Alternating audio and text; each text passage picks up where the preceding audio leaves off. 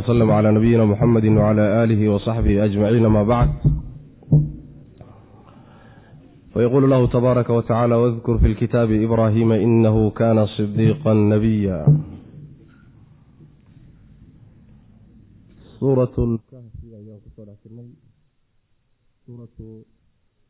maryam ayaan ku soo dhex jirnay waan dhihi lahaa waa darsiganini ka bilaabanayaa aayadda afartan iyo koobaad qisadii nabiyullaahi ciisa calayhi wacalaa nabiyina asalaatu wassalaam iyo siduu ku dhashay iyo xaqiiqadiisii wuxuu ahaa ayaa inoo dambeysay oo laga soo sheekeeyey iyo siday dadku isugu khilaafeen arrintiisa. Yaa xaq ah yaase xaqdarro iyo baatil ah arrimahaasaa laga soo warramay qisooyinkii baa marka la sii wadaa. Tanna waa qisadii nabiyullaahi ibraahim calayhi wacalaa nabiyina asalaatu wassalaam rabbi wuxuu ihi subxaana wa tacaala wadkur ka sheekee xus oo ka sheekee nebi maxamedow. Filkitaabi kitaabka dhexdiisa waxaad kaga sheekaysa ibraahiima ibraahim ka sheekay innahu ibraahim kaana wuxuu ahaaday sidiiqan mid run sheeg badan nebiyan oo nebi ah. Id wakti ka sheekay qaala uu yidhi liabiihi aabbihii markuu ku yidhi yaa abati aabbow lima maxay baa tacbudu aada u caabudaysaa maa shayga laa yasmacu aan waxba maqlaynin walaa yubsiru aan waxba arkaynin oo walaa yuqni aan deeqaynin canka xaggaaga shay an waxba aan kaa deeqaynin. Yaa abati aabow innii aniga qad jaa-anii waxaa ii yimid. Min alcilmi cilmiga xaggiisa waxaa iiga yimid. Maa shay lam ya'tika aan kuu imaanin. Ee fatabicnii iraac ahdika waan ku hanuunin eh. Siraadan jid baan kugu hanuunin sawiyan oo toosan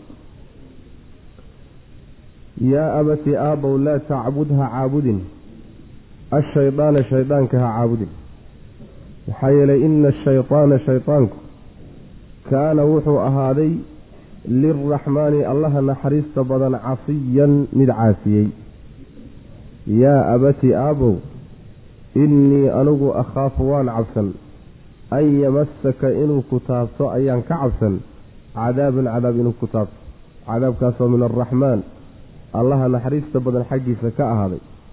Oo fa takuuna markaa aada ahaato lishaydaani shaydaanka weliyan mid la xidhiidha. Nabiyullaahi ibraahim calayhi wacalaa nabiyina asalaatu wassalaam waxa uu alla subxaanahu watacaala inooga warramayaa qisadiisa qeyb gaaban oo ka mid a suuratu alambiyaa oo inoo soo socota insha allahu tacaala baa sidan si ka faahfaahsan looga hadli doonaa qisadiisa. Waana soo marnay meelo ka mid a qur'aanka qeybihii aan soo marnay meelo ka mid oo iyadana lagaga sheekeeyey nebiyullahi ibraahim calayhi asalaam dacwadiisii iyadana waynu soo marnay. Rabbi subxaana wa tacaala nabigiisa wuxuu ku leeyahay muxameda sal alay wasalam ka sheekee kitaabka qur'aanka dhexdiisa waxaad kaga sheekaysaa ibraahim.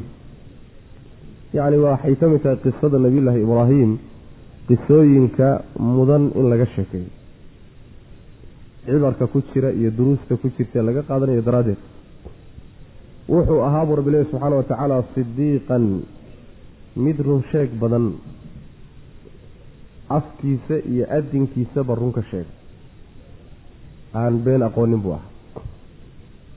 Qur'aanku meelo ka mida ayaa wuxuu caddeeyey qeybo ka mida runtaas lagu tilmaamayo nebiyullaahi ibraahim calayhi wacalaa nabiyina asalaatu wassalaam oo aada u xeel dheer. Masalan allah dartii alla dartii subxaanahu wa tacaala baa dab loogu riday oo loo gubay. Ma cabsanin. Mana gabanin. Dab baa lagugu ridayaa iyo waan ku gubaynaa markay yidhaahdeen. Ilan wuxuu ahaa nin allah subxaanahu wa tacaala ballan kula jira habay yaraatee ficilkiisa muusan ku been sheegin. Waa fuliyey mar labaad allah subxaanahu wa tacaala waa ka nabiyullaahi ibraahim calayhi salaam siiyey riya uu ku riyooday isagoo wiilkiisa ismaaciila gowracayay waan u tegi doonaa. Muusan ka waabanin wiilka inuu gowraco oo intuu dhinac u dhigay mindidii markuu saaroo gowraco raba baa ilaahay subxaana wa tacaala furtay. Waa fuliyey. Sidiiqan afcaashiisa qur'aanku ka sheekeynayo markaad aragto way kuu soo bixi inuu ahaa nabiyullaahi ibraahim calayhi asalaam sidiiqan biafcaalihi afcaashiisaoo dhan sidiiq buu ah aqwaashiisana sidiiq buu ku ahaayo nebigeenna salawaatu rabbi wasalaamu caleyh ayaa wuxuu yidhi lam yakdib ibraahiim ila fii halaaa kadabaat. Nebi ibraahim been ma sheegin weligii saddex mooyaane. Saddexda laba ka mida qur'aankaa sheegay mid ka midana axaadiista nebigaa sheegtay salawatu rabbi wasalamu caleyh saddexduba markaad daahirkooda fiiriso been ma aha waa saddexda arrimood ee caanka. Yani aynu tegi doono markaan utagno insha alla tacala qisada ayaan sheegi doona ka hadli doona ayb marka sidiiqan ayuu ahaa nebiyan oo nebi ah. Nebiga waxaa laga wadaa macnaha mid xagga ilaahay looga warramay buu ahaa oo malag baa u imaan jiray oo warka soo gaarsiin jiray waxyiga u keeni jiray. Nebi ibraahim marka ka warran baa layidhi oo dadka uga sheekeen. Si gooniya waxaa haddana loo xusay arrimo khaas ah oo si gooniya u sheeglaya nebiga sal lay slam waxaad ka sheegtaabaa ka sheekee baa layidhi markii uu aabbihii ku yidhi maxaad u caabudaysaa waxaan ku maqlaynin kuna arkaynin. Waa asnaamtii waa kaan soo marnay. Waid qaala ibraahiimu liabiihi aazara atattakhidu asnaaman aalihatan? Innii araaka wa qowmaka fii dalaalin mubiin. Aabihii waxaa la yidhahdaa asnaamtuu samayn jiray la caabudo.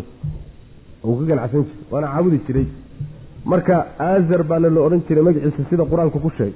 Wuxuu leeyahay marka aabow ma waxaad caabudaysaa? Maxaad u caabudaysaa waxbaan waxbana maqlaynin waxbana arkayn. Wax alla wuxuu kuu deeqi karana aysan jirin. Waxba aan kaa deeqi karan wuxuu ka wadaa marba hadduusan maqlaynin codsigaaga iyo baryadaada wax ma maqlhayo baahidaada iyo isdihindihintaada iyo rafaadka kaa muuqdana ma arkayo waxna kuuma qaban karo oo dhib kugu yimidna kaama celin karo dheefna kuuma hayo. Waa dhagaxan meesha yaalleed qurteene qurqurxisaan wey macnaha wax noocaasa aabbow maxaad u caabudaysaa aabbow buu haddana ku celiyey. Aniga waxaa ii yimid cilmi aan kuu imaanin. Cilmiga xaggiisa iyo waxyiga waxaa iiga yimid waxaan adiga ku soo gaadhay.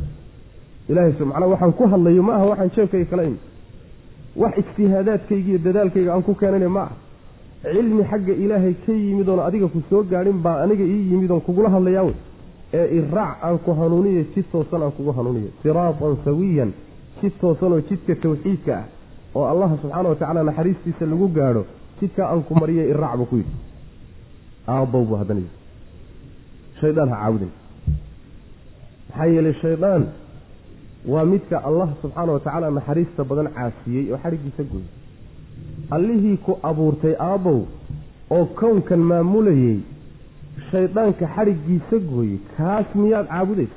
Ha yeelin buu leey ha caabudin. Wuxuu ka wadaa asnaamtan la caabudahayo yaa dadka u jideeyey shaydaan baa u jideeyey. Maadaama isagu uu u jideeyey waxa la caabudaya rasmi ahaan waa isaga ilaan isagaa lagaga amar qaadanaya asnaamtan caabuda oo dhagaxyaantan caabuda oo alla cid aan hayn barya isaga amarkiisii baa la qaadanaya. Saas daraaddeed isagaa la caabudayaa asnaamtan isagaa loo sii maraya cibaadadiisaa loo sii maraya macana marka wuxuu yihi shaydaan ha caabudin. Shaydaan waa midka rabbigii caasiyey oo yacni waxa weeyaan diiday amarkiisii diiday. Saasuu ku yidhi. Aabbow buu ku yidhi waxaan ka cabsanayaa inuu cadaab allaha naxariista badan xaggiisa ka yimid uu ku taabto oo markaa shaydaan mid la xidhiidha aada noqoto macnaha waxa weeyaan cadaab ilaahay haddaad gashood naarta gasho oo weliba aada ku waarayso adiya shaydaan sooma xidhiidhan adiya shaydaan baa meesha xidhiidh ku lahoo hade isku god baad ku jirtaan oo isku guri baad degantihiin oo xidhiidh baa idinka dhexeeya nin walba ninkuu adduunka xidhiidh la lahaa meel la gelaya ila saas way macnaa marka aabbow taasaan kaaga degayaa buuhi afartaas arrimood ayuu aabbihii kula hadlay nabiyullaahi ibraahim calayhi wacalaa nabiyina asalaatu wasalaam bal u fiirsada hadalkiisa markuu bilaabayo aabbihii la hadlayo ixtiraam badan baa ka muuqda.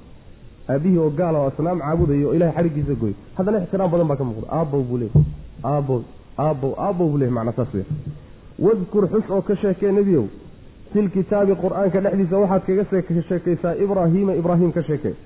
Innahu ibraahim kaana wuxuu ahaa sidiiqan mid run sheeg badan nebiyan oo nebi ah.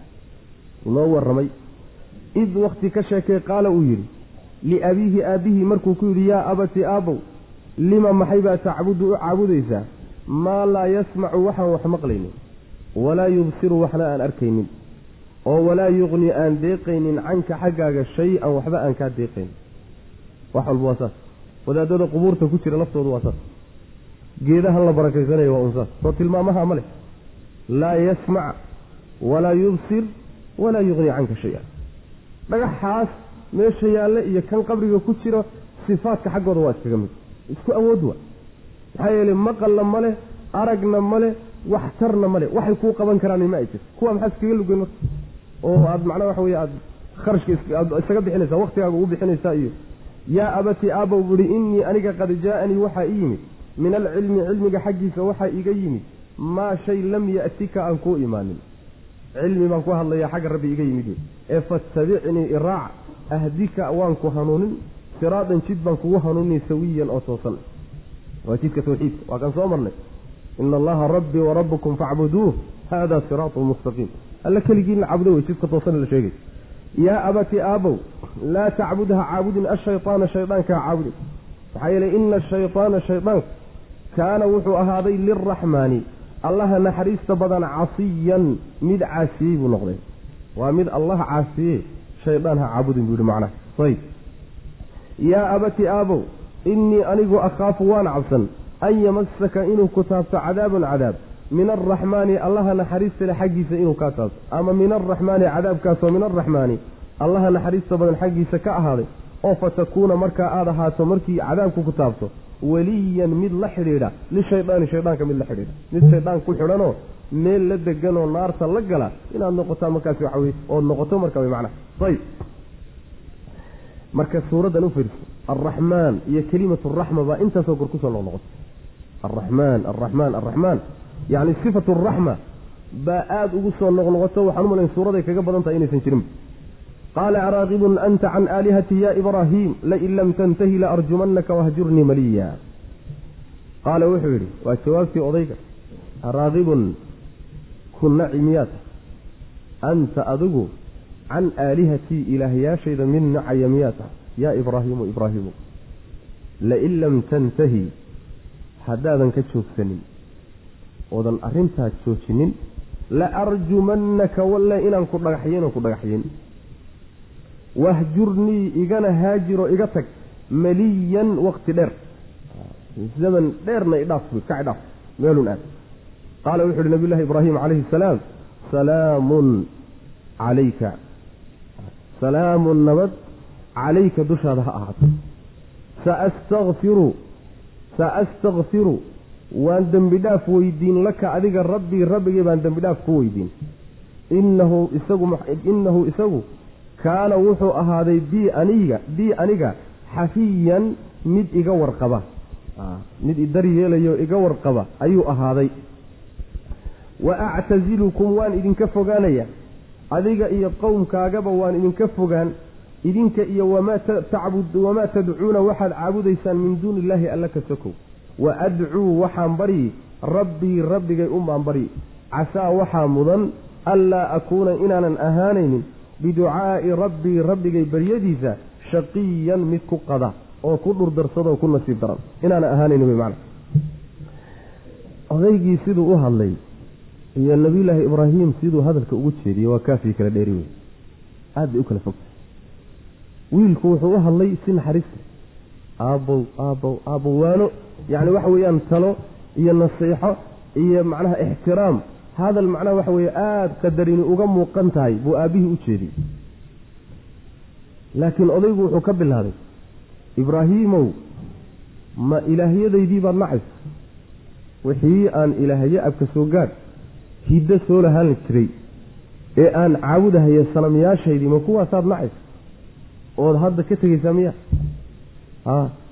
haddaadan daynin waxaad waddabu ku yidhi hanjabaad ila waa lagu yaqaana ninku markuu baatil haysto oo uusan xaq ku sugnayn luuqadda u yaqaanay waa luuqadda hanjabaad wey awood inuu sheegto waa un intaa maxaa yeelay haddii maydaanka dooda iyo xujada iyo xaq iyo baatil iyo la yimaado in laga adkaan buu ogyahay wuxuu ku dooda ma hayo. Keliyata doodiisu waxa weeyaan hiddaan u lahaan jirnay. War waxaa cusubeed la timid muxuu yahay. Waxan waa wax abka soo gaadhe. Ma kuwaasaad diidaysaa wax cusub baad la timi la aqoon jirin intaasbuu ku wareegeysanaya laakiin kaalay xujo ku doodo burhaan iyo wax lagu qancakeen wixii kugu qanciyey inuu waxanaad ku sugan tahay sax yahay. Wixii kugu qanciyey ragga la hor imow. Laakiin qabqab iyo cagajuglayn iyo waan ku dhagaxyeyn iyo waan ku dili iyo waa luuqadda mutakabiriinta wey midaas marka markiiba wuxuu ka bilaabay inuu yidhahdo lain lam tantahi la arjumannaka. Dhagax baan kugu dili dhagax baan kaala daali haddaad joojin weydo waxaad wiil yar baa tahay. Wahjurni maliya. Kaci dhaaf buu ku yidhi adduunku waa ballaaran yahay meeluun ka aado kaci dhaaf indhahaaga iga qari wahjurni maliya wakti dheer weliba ha igu soo noqonin buu le macna. Ayib. Nabiyullaahi ibraahima calayhi salaam wuxuu ku yihi salaamun calayk salaamun calayka. Yacni macnaheedu waxa weeyaan mufasiriintu say leeyihiin waa salaamu mutaarakatin wa muwaadaca. Ruuxa markaad kala tegaysaan maca salaama sooma dheh maca salaama.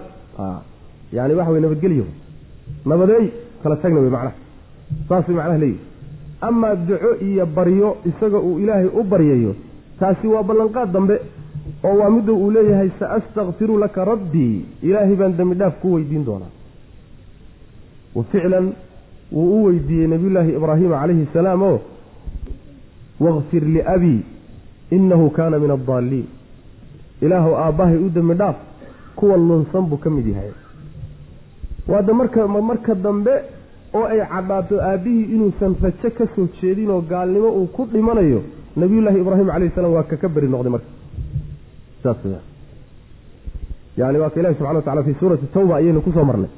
Fii suurati tawba isagoo rabbi subxaana wa tacaala uu leeyahay falama tabayana lahu anahu caduwun lilahi tabara'a minhu ina ibraahiima laxaliimun awaahu muniib la awaahu muniib miyah macnaa wuu ka beri noqday markaas uu ilaahay dembi dhaaf u weydiinayo weli ma uusan ogaanin aabbihii khaatumadiisu inay dhammaan gaalnimo ku dhammaanayso markuu ogaaday cadow ilaahay inuu yaho rajo uusan lahayn waxa weeyaan waa ka beri noqday.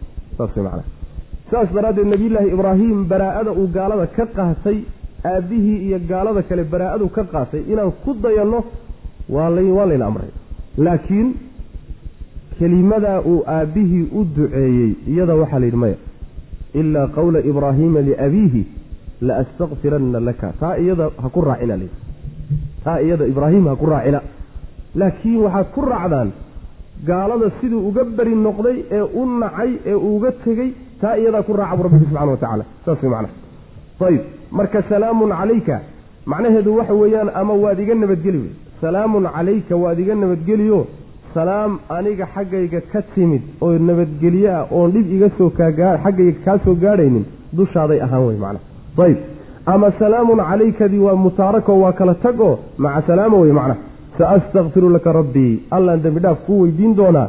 Rabbigay maxaa yeelay wuxuu ahaaday mid iga warhayo yacni waxa way idar yeelay. Xafiyan. Xafiga xogogaal wa ama xafiga bimacnaa latiif baa la yidhaahdaayo midka ku dar yeelahayo oo yacni kuu naxariisanayo xafigana waa la yidhahdaa macnaha. Waan idinka fogaan buu ihi nabiyullaahi ibraahim calayhi salaam. Adiga iyo idinka iyo waxaad caabudaysaanba markan wuu jamciyey. Hadalku aabbihii buu u dhacahaye wa actazilukum wuxuu u jamciyey isagiiyo qowmkiibuu isku xidhay. Isagiiyo wixii wax la caabudahayay buu isku qabtay. Waan idinka fogaan. Idinkiiyo waxaad caabudaysaanee asnaamta ah. Waxaanan baryayaa oon caabudayaa rabbigay keligiisaan caabudayaa. Waxaa mudan baryadaa rabbigay aan baryayo inaanan ku guul darraysanayn shaqiyan mid ku guul darraysto ku qada marnaba ma noqonayo macnaha qaala wuxuu yidhi odaygii araaqibun miyaa tahay? Mid nacaya miyaa tahay? Anta adugu can aalihatii ilaahyaashayda mid nacaya miyaa tahay? Yaa ibraahiimu ibraahiimow lain lam tantahi haddaadan ka joogsan arrintaa iyada ah la arjumannaka waan ku dhagaxyeenon ku dhagaxyeen walle. Wahjurnii igana tag. Iga haajir haajiridda tegitaan baa alhajru huwa tarkuwa wahjurnii iga tag oo iga haajir maliyan wakti dheer ama zaman dheer idhaaf. Meel uun aadooba haygu soo noqonina ka cidhaaf qaala wuxuu ihi salaamun calayka salaamun nabad calayka dushaada ha ahaato. Yacni waad iga nabadgeli wey salaamun nabad calayka dushaada ha ahaato waad iga nabadgeli ama nabadgelyo wey macnaha. Nabadgelyo kala tagnay. Saastakfiru dembi dhaaf baan weydiin laka adiga rabbii rabbigii baan dembi dhaaf ku weydiin. Maxaa yeelay innahu alle kaana wuxuu ahaaday bii aniga xafiyan mid iga warhayo oo idar yeela. Isagaa iga warhayo oo idar yeela oo gacantaygu hayo. Wa actazilukum waan idinka dheeraan. Adiga idinka iyo wamaa tadcuuna waxaad caabudaysaan min duuni illaahi alla ka soko waxaad caabudaysaan. Idinkiiyo asnaamtiinaba waa idinka fogaan wey macna. Wa adcuu waxaan baryi ama aan caabudayaa rabbii rabbigay baan caabudayaa. Casaa waxaa mudan allaa akuuna inaanan ahaanin inaanan ahaanaynin biducaa'i rabbii rabbigay baryadiisa aan baryayo shaqiyan mid nas ku nasiib daran ama dhur daran ama ku qada inaanan noqonin macnaa ku hungoobi maayo. Falama اctazlahum wma yacbuduuna min duuni illahi wahabna lahu isxaaqa wayacquuba wakulan jacalna nabiya waa ka tegey marka. Meeshii ila waxa weeyaan dad kii ugu dhowaa oo aabbihii ah buu mari waayo waxba ka qaadan waaya hanjabaad buu weliba ugu daray waa kii difaaci lahaa wey kii difaaci laha intii kaleeto waaba ka sii xad jiraanba haddiiba aabbihii halkaa taagan yahay oo leeyahay dhagaxdaan kugu dilhayaa ama haddii kale kaci dhaaf hadda dadkii kale waan ka sii xajira waan ka sii fogyi nabiyullaahi ibraahima calayhi salaam go'aan buu gaadhay marka. Falamaa goortii ictasalahum uu ka dheeraaday. Iyaga iyo wamaa yacbuduuna waxay caabudayeen min duuni illaahi alla ka sokow ayaan wahabnaa hibaynay lahu isaga waxaan u hibaynoon siinay. Isxaaqa isxaaq baan siinay. Wa yacquuba iyo yacquub baan u hibaynay wa kullan mid kastoo labadooda ka midana jacalnaa waxaan ka dhignay nebiyan nebi baan ka dhignay. Wa wahabnaa waanu hibaynay lahum iyaga waxaanu u hibaynay saddexdooda. Min raxmatinaa naxariistannada qaarkeed baan u hibaynay wa jacalnaa waan yeelnay lahum iyaga lisaana sidqin. Run carabkeed baan u yeelnay. Caliyan caliyan carabkaasoo sarreeya carab sarreeya runtii ayaan u yeelnay bu rabbi yihi subxana wa tacala ayib nabiyullaahi ibraahima calayhi salaam markuu ka tegey oo uu ka haajiray innii muhaajirun ilaa rabbii waa ka soo haajira ardada markii hore nabiyullaahi ibraahim calayhi salaam uu joogay waxay ahayd ba la leeyahay ardu alciraaq meesha uu hijroodayna waa ardu shaam. Shaam buu u hijrooday. Xagga rabbigay baan u hijroonayaaday shaam markuu tego halkaa tegay oo uu bulshadiisii ka dhex tegey deegaankuu ku dhashay alla dartii uga tegey. Ilaahay subxaanahu watacaala wuxuu siiyey bulshadii uu ka tegey mid ka fiican. Maxaa yeelay sida nabigeenna ka sugan sal alay wasalam ruuxii shay ilaahay dartii uga taga wax ka fiican buu ilahay ugu bedelaa subxana wa tacaala. Haddii uu tolkii iyo qaraabadiisii iyo dhulkiisii iyo allah dartii iyo diin daraaddeed uu uga tegey bal bulshada ilaahay ugu bedelay subxaana wa tacaala u fiirso waxaanu u hibaynay bu rabbi ilahi subxaana wa tacaala markiiba waxaa la siiyey isxaaq iyo yacquub baa la siiyey. Sulaymaan waa ka sii waxaan dhihi lahaa ismaaciil waa ka sii weynaa. Maxaa yeelay isxaaq sulay waxaa ka weyn ismaaciil baa ka weyn. Ismaaciil baa ka weyn. Marka la siinayo isxaaq la siinayo waa mar dambe. Yacquubna isxaaq baa dhali doono oo nebi ibraahim maba dhalinba. Laakiin waa la siiyey waxaa laga dhigayaa nebi ibraahim oo nool ayuu isxaaq wuxuu dhalay yacquub dhalay. Marka ilmi uu awow u yahay waa loogu sii bishaareeyey wiilkaa isxaaq ah ayaa dhalaysa. Wiilkaa markaad dhashana wiil yacquub la yidhahduu dhali doonaa labadiiba nolol bay ku soo gaadheen nebiyullaahi ibraahim calayhi wacalaa nabiyina asalaatu wasalaam haddana weliba waxaa intaa dheer kuwii hore faajiriinta ahaa aabbihii iyo tolkiisii uu ka soo tegay gaalay ahaayeen kuwan loogu bedelayey nebiyaal wey. Waa laba nebi. Bal rabbigeen subxana wa tacaala qur'aanka siduu noogu sheegay wixii nebi ibraahim ka dambeeyey oo rusul iyo nebiye ah carruurtiisii baa laga dhigay. Abaalgud wey. Waa abaalgud. Nabiyullaahi ibraahim alla dartii baa loo dhibay. Alla dartii buu dhulkiisi uga tegey. Alla dartii baa dabka loogu riday. Alla dartii buu intaasoo rafaad iyo dhiba u maray. Saas daraaddeed abaalgud waxaa looga dhigay in wixii isaga ka dambeeyo dhan ee nebiye ah ee ilaahay rasulahu soo diray carruurtiisaa laga dhigay. Saas wey macana saasuu ilahi subxana wa tacala qur'aanka noogu sheegayay carruurtiisay noqdeen. Marka kuwaasuu ilahay ugu bedelay subxana wa tacala wuxuu rabbi leeyahy subxaana wa tacala wawahabnaa lahum min raxmatina saddexdaas nabiyullaahi ibraahim iyo iyo iyo isxaaq iyo yacquub intoodaba naxariis ilaahay baanu siinay buli rabbi subxana wa tacala naxariistaasi waa risaalada ama waa nubuwada nubuwada wey wajacalnaa lahum wawahabnaa lahum min raxmatina maxaa yeele nubuwada naxariis waa la yidhahda bal waa acdamu raxma wey macnaha ayib kulligoodna waxaan u yeelnay bu rabbi ilahi subxana wa tacaala lisaana sidqin run carabkeed oo sarreeya carab sarreeya runtii maxaa laga wadaa waxaa laga wadaa magac iyo ammaan iyo wanaag lagu sheego ayaanu u yeelnay bu rabbi ilahi subxana wa tacaala ilaahay agtiisana waa ka ammaanan yihi malaa'igta agteedana waa ka ammaanan yihiin. Wan wanaagsan iyo mu'miniinta agtoodana waa ka ammaanan yihiin. Carabka lagu ammaanayo waa carab sarreeya oo dad ahlul iimaan oo akhyaar ah carabkood ayaa lagu ammaanayaa ammaantooduna been ma ahe waa run. Ilan ruuxu ammaan uusan lahayn iyo magac uusan lahayn marka dusha laga saarayo waa lisaana kidbin waay. Waa carab been ah. Carab been sheegahayaa ammaanaya maxaa waxan kuma sifaysna laakiin shayga markuu ku sifaysan yaho tilmaanta uu leeyaho laguna ammaano carabka ku tilmaamaya waxa weeyaan waa lisaana sidqin waa luqad run ah waa carab run ah oo weliba sarreeyo oo dad wan wanaagsan oo akhyaara ay leeyihiin saasuu ilahay siiyey subxana wa tacala macnaha waxa weeyaan u fiirso yacni wixii iyaga ka dambeeyey o dhan dadka ahluliimaanka iyo akhyaarta waa ammaanaya. Ambiyada nabiyullaahi ibraahim calayhi salaam iyo carruurtiisaasi agtooda ilahay agtiisa iyo khalqiga agtiisaba waa ka ammaanan yihiin macnaha. Falama actazalahum markuu fogaaday markuu dheeraaday nebi ciise nebi ibraahim iyagii falamaa goortii ictazalahum uu ka foga ka dheeraaday. ictazalahum damiirkeeda waxay u noqonaysaa qowmkii. Iyaga iyo wamaa yacbuduuna waxay caabudayeen min duuni illaahi alla kasako waxay caabudayeen. Ayaanu wahabnaa hibaynay lahu isaga isxaaqa isxaaq baan ugu hibaynay. Wa yacquuba iyo yacquub wa min waraa'i isxaaqa yacquuba wey macna. Isxaaq kadibna yacquub baa loogu bishaareeyey wa kullan mid walba jacalnaa waxaan ka yeelnay nebiya nebi baan ka yeelnay. Isxaaqna nebi buu ahaa yacquubna nebi buu ahaa. Wa wahabnaa waan hibaynay. Lahum ayaga waxaan u hibaynay min raxmatina naxariistanada qaarkeed baan u hibaynay. Wa jacalnaa waxaan yeelnay. Lahum iyaga waxaan u yeelnay lisaana sidqin run carabkeed baan u yeelnay caliyan oo sarreeya. Carab sarreeya. Runtii ayaan u yeellayoo ammaan iyo magac wanaagsan in carab dadka akhyaarta carabkooda inuu ku sheego oo la ammaano ayaan u yeelnay saasaa laga wada macna halkaa marka waxaan ka qaadanaynaa ruuxu hadduu meel ilaahay ku caabudi kari waayo cidhiidhi ku galo waa inuu ka hijroodo. Haddaad ka hijrootana kolleyo kolleyba u darsan mayso laa nolol adduunyaadan u darsanaynin walaa noloshii aakharo iyo diintaadii aada la hijrootay baadan u darsanaynin. Qaacidadaa qaado. Weligeed taarikhda saasay ahaan jirto taariikhda saasay ahaan jirto dadka ahluliimaanka meel marka lagu dhibo way ka cararaan.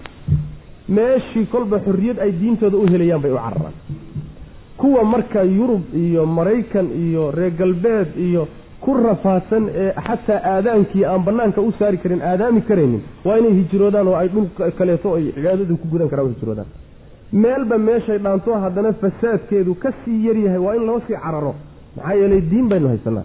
Ra'samaalka noloshuna waa diinta taa haddaad weydo waxba yaraatee ku laabani ma u jiro. Taa intaad haysatana waxba kaama maqna haddii aada la cararto iyada aada meeshii kolba yacni u roon aada la aadana rabbi ballanqaad weeye subxaana wa tacaala inuu wax kuu dhaama tii hore ilahay ku siinayo subxana wa tacala saas wey macna. Wadkur fi lkitaabi muusa inahu kana mukhlasan wa kana rasuula nabiya wadkur xus fi lkitaabi kitaabka dhexdiisa waxaad ku xustaayo kaga sheekaysaa. Muusa muuse kaga sheekay. Inahu isagu kaana wuxuu ahaa mukhlasan kula saafi yeelay oo la xushay. Wa kaana wuxuu ahaa rasuulan rasuul buu ahaa nebiyan oo nebi ah. Wanaadaynaahu waan u dhawaaqnay. Min jaanibi tuuri buurta dhinaceedaan uga dhawaaqnay al aymani ee midigta ahaa dhankii midigta ahaa baan uga dhawaaqnay. Wa qarabnaahu waanu dhoweynay najiyan xaalo uu yahay mid faqaya oo rabbigii la faqaya. Wa wahabnaa waanu hibaynay lahu isaga min raxmatinaa naxariistanada xaggeeda waxaan uga hibaynay akhaahu walaalkii haaruuna haaruun ahaa nebiyan xaalo uu nebiya tanna waa qisadii nabiyullahi muuse calayhi salaam oo iyadana si gaaban loo sheegay. Xus baa layidhi nebi muuse ka sheegay isagana. Nebi muuse wuxuu ahaa kaana mukhlasan. Waa qiraa'o. Mukhlisanna waa qiraa'o. Mukhlasan macnaha waxaa laga wadaa kula saafi yeelayoo ilaahay loo saafi yeelay addoon ilaahay xushay buu ahaa oo alla doortay rasuulna waa ahaa nebina waa ahaa. Rasuul iyo nebi maxaa udhexeeya rasuul la garay. Nebi iyo rasuul farqiga udhexeeya muxuu yahay? Culimada qaarkood waxay leeyihiin waxaa udhexeeya rasuul waxaa la yidhaahdaa. Waa midka waxyi u yimid. Haddana dadka gaadhsiin la yimid. Nebina waxaa la yidhahdaa waxyi baa loo keenay. Laakiin laguma laasiminin inuu dadka gaadhsiiyo. Ra'yi waa kaa waase laga xoog badan yahay ra'yiga fiicani waa in la yidhaahdo rasuul waxaa la yidhaahdaa horta labadooda nebiga iyo rasuulkuba waa faran yihiin inay dadka gaadhsiiyaan wixii la soo gaadhsiiyo laakiin rasuul iyo nebi farqiga u dhexeeya wuxuu yahay rasuul kitaab baa lagu soo dejiyey sharaa'ic baa loo keenay laakiin nebi sharci isaga ka horreeyey buu cusboonaysiinahayaayoo dadka gaadhsiinayaa taana waa farqi kaleeto kii hore dhaama oo culimada qaarkood ay mareen wey macnaha. Adiga rasuulna waa ahaa nebina waa. Ahaa rasuul ilaahay soo dirsadayna waa ahaa mid loo warramona nebigu macnaha waxa wey waa ka loo warramo. Oo xagga ilahay warka uga yimaado subxana wa tacala saasuu ahaa nabiyullaahi muusa calayhi salaam. Waanu dhawaaqnay buu rabbi yihi subxana wa tacaala. Buurta dhinaceedii baan uga dhawaaqnay. Dhuur buurtii khaaska ahayd. Dhankeedaan uga dhawaaqnay waa dhankee buurta dhinacyadeedu waa badan yihiin dhanka midig. Nebi muuse markuu taagan yahay buurta kusi jeedo dhankiisa midig. Halkaasaa looga dhawaaqay waanu dhoweynay bu rabbilahi subxana wa tacaala najiyan xaalu yahay mid faqaya oo rabbi la faqaya subxana wa tacaala meeshaas iyo faahfaahinteedu way inoomaan doontaa insha allahu tacala yacni fii suurati alqasas iyo yani waxa weeyaan suuradaha ka agdhow bay ku imaan doontaa nebiyullaahi muusa calayhi salaam meeshii waxyigu ku bilowday. Yani waa kii reer madyan aaday ka soo noqday markuu muddo ka qabay oo la deganaa jidkii markuu soo hayo jidka isagoo soo hayo soo noqday isagii reerkiisa ay wada socdaan. Waa ka meesha iftiinka ka arkay aaday. Meeshii iftiinka uu aaday halkaa oo buurta tuurisiinaa ah halkaasaa looga dhawaaqay. Halkaasaa alla subxaana wa tacaala looga dhawaaqo nabiyullaahi yani waxa weeyaan muusa calayhi salaam. Xilka iyo risaalada lagu guddoonsiiyey faahfaahinteeduna dib bay ka imaan doontaa insha allahu tacala aayadaha kale ayaa sharxi doona. Wa qarabnaahu najiyan waxaa laga wadaa yacni rabbi baa dhoweeyey. Rabbi baa dhoweeyoo maqaam ah waxaa la geeyey hadalka isagiiyo alla dhex marayaay. Cid kaloo maqlaysa aysan jirin. Ila nejiga waxaa la yidhahdaa faqa la yidhahda yacni hasaawaha hoose ee adigiyo ruuxa aada sheekaysanaysaan basa idinku eg een laydinla maqlaynin baa la yidhahdaa yani munaajaadka la yidhahda munaajaad. Marka waxa weye isagiiyo rabbi keliya ayaa hadal isdhaafsanayo oo lalama maqlayo. Najiyan waqarabnaahu najiya mid faqaya ayuu ahaaday isagoo abaan dhoweynay bu rabbilahi subxana wa tacala naxariistanada xaggeedana waxaan uga hibaynay walaalkii haaruun isagoo oo nebi ah. Taana waxaa laga wadaa haaruun yaanu u hibaynay haaruun nebiyullaahi muusa waxaa loo hibeeyey haaruun. Lagama wado nebi haaruun nebi muuse ayaa haaruun la siiyey oo dhalashadiisii baa la siiyey. Lagama wado maxaa yeeley haaruun baa ka weynaa nebi muuse calayhi salaam. Sida loo badan yahy xagga da'da haaruun baa ka weynaa ee waxaa laga wadaa nebi muuse calayhi salaam markuu ilaahay diray oo layidhi fircoon aad la yidhi. Laba muhiimadood markii lala diray oo ahayd fircoonna wax gaadhsii reer bani israa'iilna gumaysi ka soo saar. Yuu ilaahay wuxuu ka codsaday rabbiyow qoladaa hadda kahor baan khalad ka galay oo nin ka dilayey walaalkay haaruun baana xagga fasaaxada igaga roon. Eedna hadda ka hor aan ka gelin ee iraaci ila dir isaga. Xoog iyo aan ka dhigto cudud aan ka dhigto markaasaa rabbi subxaana wa tacaala wuxuu ku yidhi waa lagu siiyey. Qad uutiita su'laka yaa muusa. Codsigaagii waa la siiyey waa lagu haaruun baa markaasaa nebi lagaga dhigo waxaa la yidhi adiguna rasuul nebiyaa tahay raac israaca laylowdiina marka. Labadoodii baa xilkii loo wada dhiibay saasay marka ku aadeen oo hawshii ku guteen. Marka wahabnaa lahu min raxmatina akhaahu haaruuna nabiya. Waxaa loo hibeeyey haaruun laftiisa ma ahee waa nubuwatu haaruun. Haaruun nebinimadiisa ayaa nbi nabiyullahi muusa calayhi salaam la siiyey. Saas way macnaa. Oo isagaa ilaahay sababa baryadiisii yuu allaha sabab uga dhigay in nebi iyo haaruun nebi laga dhigo macnaa. Oo rasuul laga dhigo macnaa. Ayib marka taana ilaahay subxaana wa tacaala gallad uu siiyey bay ahayd nabiyullahi muusa calayhi salaam. Wadkur xus filkitaabi kitaabka dhexdiisa waxaad ku xustaa kaga sheekaysaa muusa muuse ka sheekee. Innahu isagu kaana wuxuu ahaa mukhlasan kun la saafi yeelay oo la xushay oo la doortay. Wa kaana wuxuu ahaa rasuulan rasuul buu ahaa nebiyan oo loo warramay. Wanaadaynaahu waanu u yeedhnay min jaanibi tuuri waanu dhawaaqnay. Min jaanibi tuuri buurta dhinaceedaan uga yeedhnay. Alaymani ee midigta ahaa. Dhankii midigtaa baan uga yeedhnay. Wa qarabnaahu waanu dhoweynay najiyan xaal uu yahay mid yacni kii la faqayo oo la koodayo. Si qarsoon alla subxaana wa tacaala ay hadal isu dhaafsanayaan wa wahabnaa waanu hibaynay lahu isaga min raxmatina naxariistanada xaggeeda waxaan uga hibaynay. Akhaahu nubuwata akhiihi wey macnaha.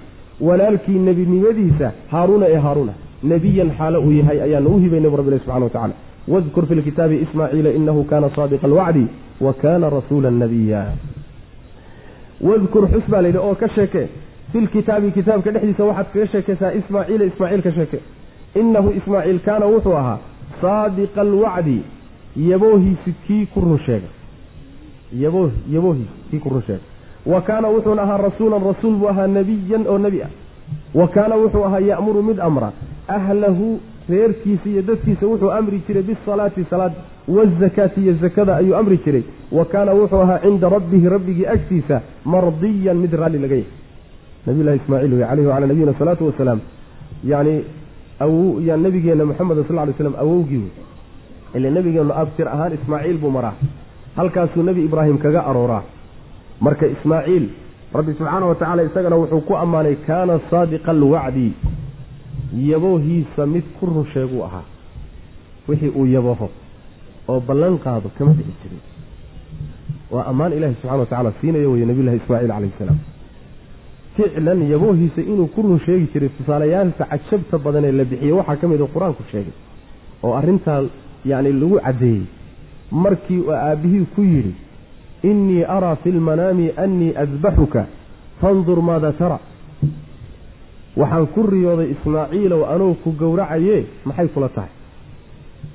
Muxuu yidhi qaala yaa abati ifcal maa tu'mar satajidunii in shaa allah min asaabiriin aabba wixii lagu amray yeel aniguna ballan waxaan qaadayaa inaan sabroon adkaysto. Falamaa aslamaa watallahu liljabiin wanaadaynaahu an yaa ibraahiima qad sadaqta aru'ya ismaaciil markii aabbihii soo qabtay waa isdhiibay. Waa isdhiibay waa hoggaansamay dhinacuu dhulka u dhigay mindidii buu qaatay inuu gowracu rabaa. Soo ballan muusan ku qaadin aabba wixii ilaahay ku faray waa yeelayaaye samee sooma dheh? Naftiisii buu ballan qaaday inuu bixinayo. Waana fuliyey sooma ilaan isma adkaynina waa seexday. Sooma nin naftiisii uu ballan qaadayba huray oo yeelay oo arrinkaa fuliyey. Naf wax ka sokaysana sooma fulina hadduu ballan qaado. Saas. Innahu kaana saadiqa alwacdi saas way macnaa xoola hadduu ballan qaado ama ilmihiisa ballan qaado ama xaas ballan qaado ama wax la ballan qaado waxa kaloo dhan naftaa ka qalin. Nafba hadduu huray wixii kalena waa ka sokayan wy mana kaana saadiqa alwacdi wa kaana rasuulan nabiyan rasuul nebiyana waa ah wuxuu rabbi subxaana wa tacala kaloo ku ammaanay ehelkiisa iyo dadkiisa salaada iyo zakada ayuu amri. Nabigeennana waa la amray saa inuu sameeyo waamur ahlaka bisalaati wastabir calayha bu rabbi subxana wa tacala ehelkaagiiyo reerkaaga salaada amar kuna sabir baa le nebigu sal lay slm laa nas'aluka risqa wax risqiga ku weydiisan mayso hawsha aada leedahay xilka ku saar inay kaa weye macna ummadda oo dhanna rabbi subxaana wa tacaala wuu amray oo wuxuu ihi yaa ayuha aladiina aamanuu quu anfusakum waahliikum naara. Naftiina iyo ehelkiina naar ka ilaaliya bu rabbi ihi subxana wa tacaala. Naar ka ilaaliya. Maxaa lagaga ilaalinayaa in ilahay jidkiisa lagu toosiyo subxana wa tacaala oo waajibaadka diinta la baro oo lagu hagaajiyo? Sidaas wey macna marka waa ammaan ruuxa ehelkiisa iyo reerkiisa ka shaqeeyo ilaahay ku xidha kaa unbaa hade waxa weeyaan naftiisana ka adkaada ilahay agtiisana wax kuleh subxana wa tacala laakiin waxaa ceeb ah inaad adigii aada iska dhigayso inaad hagaajisanta hagaajisanta masaajidkii imaanayso waajibaadkii gudanayso salaad salaaddii aada tukanayso sakadii inaad bixinayso laakiin gurigaagii dayacayn oo carruurtaadii dayacanta oo naagtaadii dayacanta oo gabdhahaagii qaqaawan yihiinoo duurka yaacahayaan iyagoo qaqaawan bal intaa wax ka badanba inay ku dhacayaan laga yaabo taasi waxa weeyaan ammaan ma ahe waa ceeb wey nabiyullaahi ismaaciil calayhi salaam taasuu alla ku ammaanay subxaana wa tacala wa kaana ya'muru ahlahu bisalaati waazaka wa kaana cinda rabbihi mardiya. Rabbigii agtiisana mid raalli laga yahay buu ah ilahay baa raalli ka noqday subxana wa tacala nabiyullahi ismaaciil calayhi wacalaa nabiyina asalaatu wasalaam wadkur xusoo ka sheekay nebigow fi lkitaabi kitaabka dhexdiisa ismaaciila kaga sheekay. Inahu isagu kaana wuxuu ahaa saadiqa alwacdi yaboohiisa ku ku run sheeguu ahaa. Yaboohiisa mid ku run sheega oo aan burinin bu ah wuu fulin jiray wuxuu yabooho wa kaana wuxuu ahaa rasuulan rasuul buu ahaa nebiyan oo nebi ah. Yabooha iyo ballanqaadkoo laga baxaayey astaamaha munaafiqiinta lagu gartay ka mid ah. Wa kaana wuxuu ahaa ya'muru mid amra ahlahu ehelkiisa wuxuu amri jiray bisalaati salaatu amri jiray. Gurigiisa iyo bulshada uu ku nool yahay. Wazakaati zakadana wuu amri jiray. Wa kaana wuxuu ahaa cinda rabbihi rabbigii agtiisa mardiyan mid raalli laga yahay buu ahaa. Wadkur xus fi lkitaabi kitaabka dhexdiisa waxaad ku xustaa idriisa idriisna bal xus idriisna ka sheekee inahu idriis. Kaana wuxuu ahaa isagana sidiiqan mid run sheegid badan nebiyan oo nebi ah. Wa rafacnaahu waanu kor yeelnay makaanan meel baan u kor yeelnay caliyan oo sarraysa makaan sare ayaanu u kor yeelnay bu rabbi ilahi subxana wa tacaala nabiyullaahi idriis isagana sidiiq nebi abuu ahaa meel saraanu u kor yeellaydaasi laba macnoba waa lagu fasiraa waa midda koobaadee makaanan caliyan makaanatan caliyatan derajo sare. Oo macnaha markaa waxaa laga wadaa derajada sare sharaf. Sharaf iyo qiimaanu u yeellay saraysa. Taasi waa macno. Macnaha kaleeto wuxuu yahay meel sare boos sare ayaanu geynay oon u kor yeellay jannadana boos saruu ku leeyahy marka la fiiriyo rususha meesha uu kaga jirana waa meel sare. Maxaa yeele nabigeenna salawaatu rabbi wasalaamu calayhi habeenkii la dheelmay ee kor loo sii qaaday micraajka oo uu rususha sii maray oo samaawaadka mid walba qaar ku sii maray toddobada samo. Nebi idriis wuxuu ku sii maray samada afraad. Isagoo halkaa jooga. Samada afraad buu ku sii maray siduu nabigu sheegay salawatu rabbi wasalaamu caleyh makaanan caliyan marka in samadaa afraad laga wado meeshaa la geeyey ah ayaa iyadana suroobi karaysa macnaha wadkur xus filkitaabi kitaabka dhexdiisa waxaad ku xustaa idriisa idriis xus. Inahu isagu kaana wuxuu ahaa sidiiqan mid run sheegid badan nebiyan oo nebi ah. Wa rafacnaahu waanu kor yeellay makaanan boos baan u kor yeellay caliyan oo sarreeya. Makaan sare ayaanu u kor yeellay ulaa'ika kuwaasi marka. Kuwaa la soo sheegay suuradda bilowgeeda ka soo bilow. Zakariya yaxya nebiyullaahi ciisa nebi ibraahim ilaa ambiyadaa la soo sheegay ulaa'ika halkaasay u noqonaysa ulaa'ika kuwaas alladiina kuwii wey ancama allaahu alla uu nimceeyey calayhim dusheeda uu nimceeyey. Oo min annebiyiina ah nebiye ah. Min duriyati aadama aadam caruurtiisa ah. Ka mid ah. Wa minman cid ka mid ah. Xamalnaa aan xamaalnay aan xambaarnay maca nuuxin nuux la jirankiisa aan xambaarnay ka mid ah. Wa min duriyati ibraahiima ibraahiim ubadkiisiiyo caruurtiisii ka mid ah wa israa'iila wa min duriyati israa'iila israa'iil ubadkiisiiyo carruurtiisa ka mid. Wa minman cid ka mid ah hadaynaa aan hanuuninay oo wajtabaynaa aan doorannay. Idaa goortii tutlaa la akhriya calayhim dushooda aayaatu araxmaani allaha naxariista badan aayadihiisa kharuu way dhacaan. Sujadan xaala yihiin kuwa sujuudsan wa bukiyan xaala yihiin kuwa ooyahay. Ambiyadii isku soo qabo kulligood intaa la soo sheegay miyaa. Mise jinsi weeyaanoo ulaa'ikadu waxay tilmaamaysaa rusushii oo dhan iyo ambiyadii. Walow suuraddaba yaan lagu sheegin waa laba ra'yiyood culimada tafsiirku ay marayaan. Ulaa'ika kuwaas aladiina ancama allahu calayhim waa kuwa alla u nimceeyey. Macnaheedu waxa weeyaan yacni alle dadka uu nimceeyey waa kuwa. Nicmada ilaahay ugu nimceeyeyna waa nicmo diineed. Nicmada qiimaha lehee nicmo ahaan xaqiiqa markii la yihahdo nicmo lagu tilmaami kara waa nicmada diinta. waman yutic illaha waarasuul fa ulaa'ika maca aladiina ancama allahu calayhim calayhim min atujaar miya maya min alnabiyiin waasidiiqiin waashuhadaa wasaalixiin saas kuwaa wey waa diin salaax rasuul rasuulnimo nebinimo hagaagsanaan shahaado saasaa laga hadlaya nicmadu marka waa nicmada diiniga iyadaa asaasi ah. Nicmadan dunyawigaa waxay nicmo tahay markii ay noqoto mid aakhare kuugu kaalmayso ama aakhare aad u isticmaasho. Laakiin mar hadday aakhare kaa sarfiso kaa leexisaay nicmo mehe waa niqma. Marka waa imtixaan iyo balaayo wey halaag kugu dhaca wey markaas macna saas weya marka kuwa alla u nimceeye waa kuwa wey kuwa ilaahay u nimceeye oo nebiyada ah. Aadam caruurtiisii ka mid ah kuwii aan nuux la xambaarnoon doonta ku xambaarnayna ka mid ah. Ibraahiim ubadkiisii ka mid ah. Israa'iil ubadkiisii ka mid ah. Kuwii aan hanuunineen doorannay ubadkoodii ka mid ah. Maxaa ilaahay uu ku tilmaamay? Intoodaasi saa weeye aayadaha allaha naxariista leh aayadihiisa marka lagu akriyo way dhacaanoo way daataan ayagoo sujuudsan oo ooyaya buu rabbi subxana wa tacala iyagoo xaalkoodu uu yahay yacni waxa weye ma taagnaan karaan. Aayadaha markay maqlaan aayadahaa saamaynaysa. Quluubtoodiibay saamaynaysa markaasay dhacayaan oo sujuud la dhacayaan ayagoo ooyey wayakhiruuna liladqaani yabkuun sujadan. Iyagoo macnaha waxa weye ooyaya oo sujuudsan bay daadanaya. Dadka ahluliimaanka iyo rususha dadka saalixiinta ayada ilahi baa saamayn ku yeelanaya subxana wa tacala saas mana ayb meeshaa marka ulaa'ika aladiina ancama allahu calayhim min annabiyiina min duriyati aadam. Mufasiriinta qaalkood sida ibnu jariir iyo sudi iyo waxay leeyihiin yacni min duriyati aadam waxaa laga wadaa idriis idriis maxaa yeelay waxay leeyihiin waxay ku wadaan idriis inuu ka koreeyo nuux oo uu udhexeeyo aadam iyo nuux inuu udhexeeyo saasay wadaan. Marka min duriyati aadama si khaasa waxaa u soo gelayay leeyihiin idriis wa miman xamalnaa maca nuuxinna waxaa soo gelaya ibraahim. Ilan waxa weeyaan isagaa ku xiga yani nuux ku xiga oo ilmihiisiia ayib wa min duriyati ibraahiimana waxaa soo gelaya isxaaq iyo ismaaciil iyo yacquub. Wa israa'iila oo yacquub ana wa min duriyati israa'iilana waxaa soo gelaya muusa haaruun zakariya yaxya ciisa. Soo intaa aayaddu mus qur'aanka intaasaa lagu soo sheegay suuradde. Wa min duriyati israa'iila oo yacquuba maxaa yeele intooduba waa ambiyaau bani israiil intan dambe oo waxay ku abtirsanayaan nebi yacquub calayhi salaam. Ayib wa miman hadaynaa wajtabaynaa way soo gudagelayaan intoodiiba wa miman hadaynaa wajtabaynaa way soo gudagelayaan. Sidaasi waa tafsiir ibnu jariir iyo keyrkii ay rajaxayaan.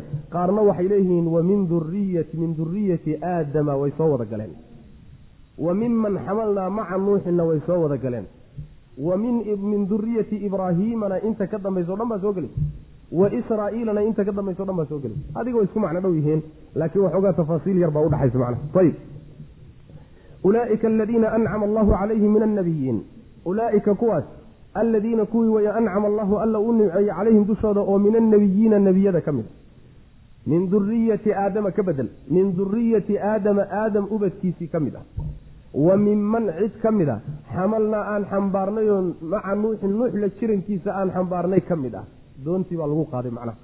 Wa min duriyati ibraahiima ibraahim ubadkiisiiyo caruurtiisii ka mid ah wa israa'iila wa min duriyati israa'iila israa'iil caruurtiisii ka mid a. Israa'iil yaa weeye waa nebi yacquub. Saas mana yacquub baa israiil la yidhahda wa minman cid ka mid ah hadaynaa aan hanuuninay oo wajtabaynaa aan doorannay kuwaasay ka mid yihiin ama caruurtoodii bay ka mid yihiin. Idaa goortii tutlaa la akriya calayhim dushooda aayaaturaxmaani allaha naxariista badan aayadihiisa markii lagu dul akriyo kharuu way dhacaan. Sujadan xaalo ay yihiin kuwo sujuudsan wa bukiyan xaalo ay yihiin iyo xaalo ay yihiin kuwo ooyahay.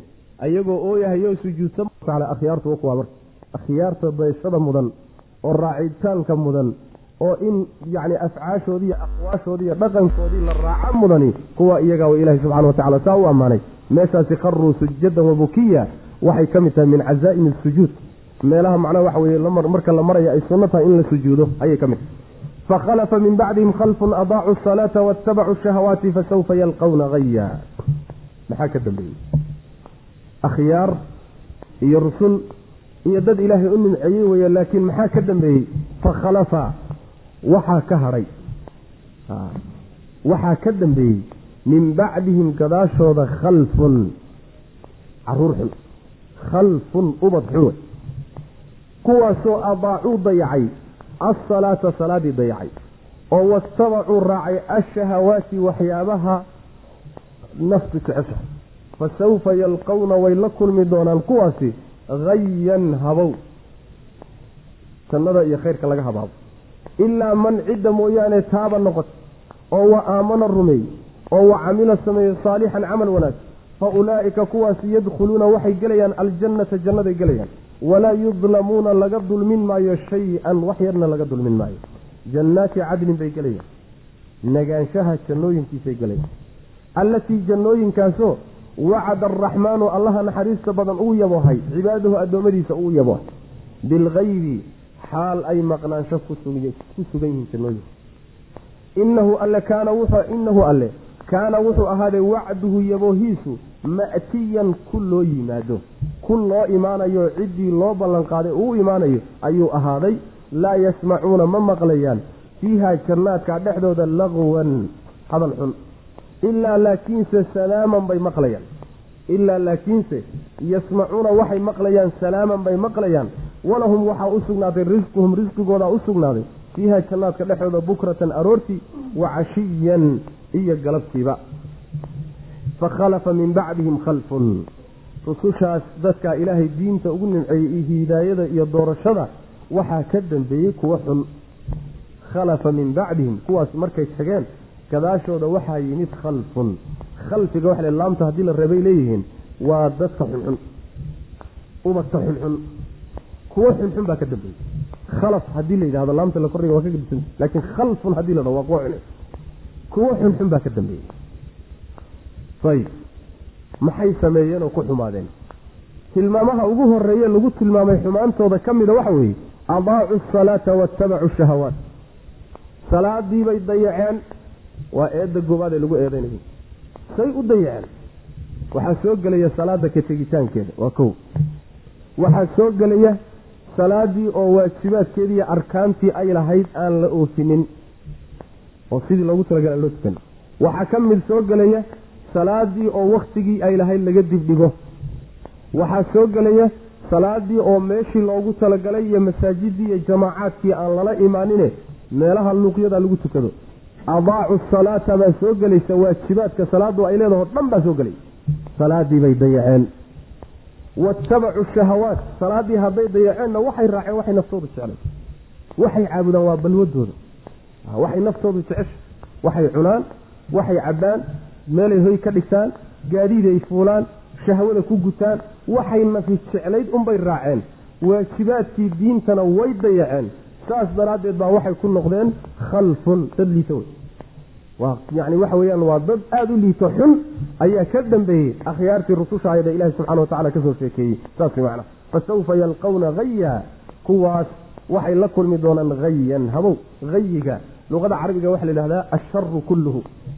Shar oo dhan waa lagu idlaaqaa oo waxaad dhihi kartaa fasawfa yalqawna way la kulmi doonaan hayan shar oo dhan bay la kulmi doonaan. Ama hayanta sideeda kuwadoo habow habow iyo lumitaan. Maxaa laga lumay? Xaqii ay ka lumeen adduunyada maadaama ay ka lumeen aakhare abaalkood wax weya inay jannada ka lumaan. Hayan lumitaan ay jannada iyo naxariista ilahay ka lumaan. Oy naar iyo cadaab ilahay xaggeeda u lumaan macnaha saasay macnaha la kulmi doonaan ma ruuxii khalad sameeyey hal mar salaada dayacay. Shahwadiisiiyo naftiisu waxay jeceshahay raacay. Hadduu ka soo noqdo xataa miya maya. Hadduu ka soo noqdo iyada waa meesheed ilaa man taaba wa aamana wa camila saalixan bal saalix ruuxii soo noqda mooye. Oo ka soo noqda salaaduu dayacayay shahwadiisii naftiisu waxay jeclayde uu raacay ka soo noqda. Oo haddana iimaan la yimaadoo rumeeya oo camal saalixa la yimaado dhaqankiisiiyo yacni wanaajiya camal ilaahay raalli geliya la yimaada oo camal ilaahay dartiina loola jeedo sunnadii nebi maxamedna waafaqsan salawaatu rabbi wasalaamu caleyh camal noocaasana la yimaada. kuwa noocaasi iyagu jannaday gelayaan. ayagu hayi la kulmi mooyaane jannaday gelayaan. wixii xumaanay la yimaadeen ilahay baa u dhaafaya subxana wa tacala lamana dulminayo khayr ay la yimaadeen laga nusqaamin maayo laga dhimi maayo waa la sii faahfaahiyey jannaday gelayaanoo waaritaanka iyo nagaanshaha jannooyinkiisay gelayaan. Jannooyinka magacooda la yidhahda jannooyinka nagaadiga magacba waxaa looga dhigayba in lagu nagaanayo lagana guurayn lagana dhimanayn. Saas manaa lagana tegin laga safrinin taasay gelayaan. Allaha naxariista badan baa addoommadiisa u yaboohay. Ma aha yacni cid kale ma yawan allaha ku tilmaama naxariis badnida oo magaciisa uu yahay alraxmaan uu yahay ayaa addoommadiisa u yaboohay u fiirso? Meeshaasi waxa weeye jannada yaa bixiya allah baa bixiya naxariista ilaahay qayb ka mid maxaa lagu mutaa? Addoonnimaa lagu mutaa. Aayaddu labadaba waxay tilmaantay jannadii cidda bixinaysay iyo wixii lagu mudanayay macnaheedu waxa weeye yacni rabbi wuxuu yidhi jannaati cadni allatii wacada araxmaanu waa naxariis horta ilaah awoodtaa a ku heli mayse camalkaana ku geli mayse dadaalkaagana ku geli mayse naxariis ilahay baa jannada lagu helaa. Waa kow. Sabab lagu mutaa jire oo waa kee? Cibaadahuwa waa cubuudiyada. Addoonnimada ayaa lagu mutaayo sida addoonnimada loogu kala fiican yahay baa jannada ilaahayna subxaana wa tacaala iyo naxariista ilaahay loogu kala dhow yahay macna saas weeyaan.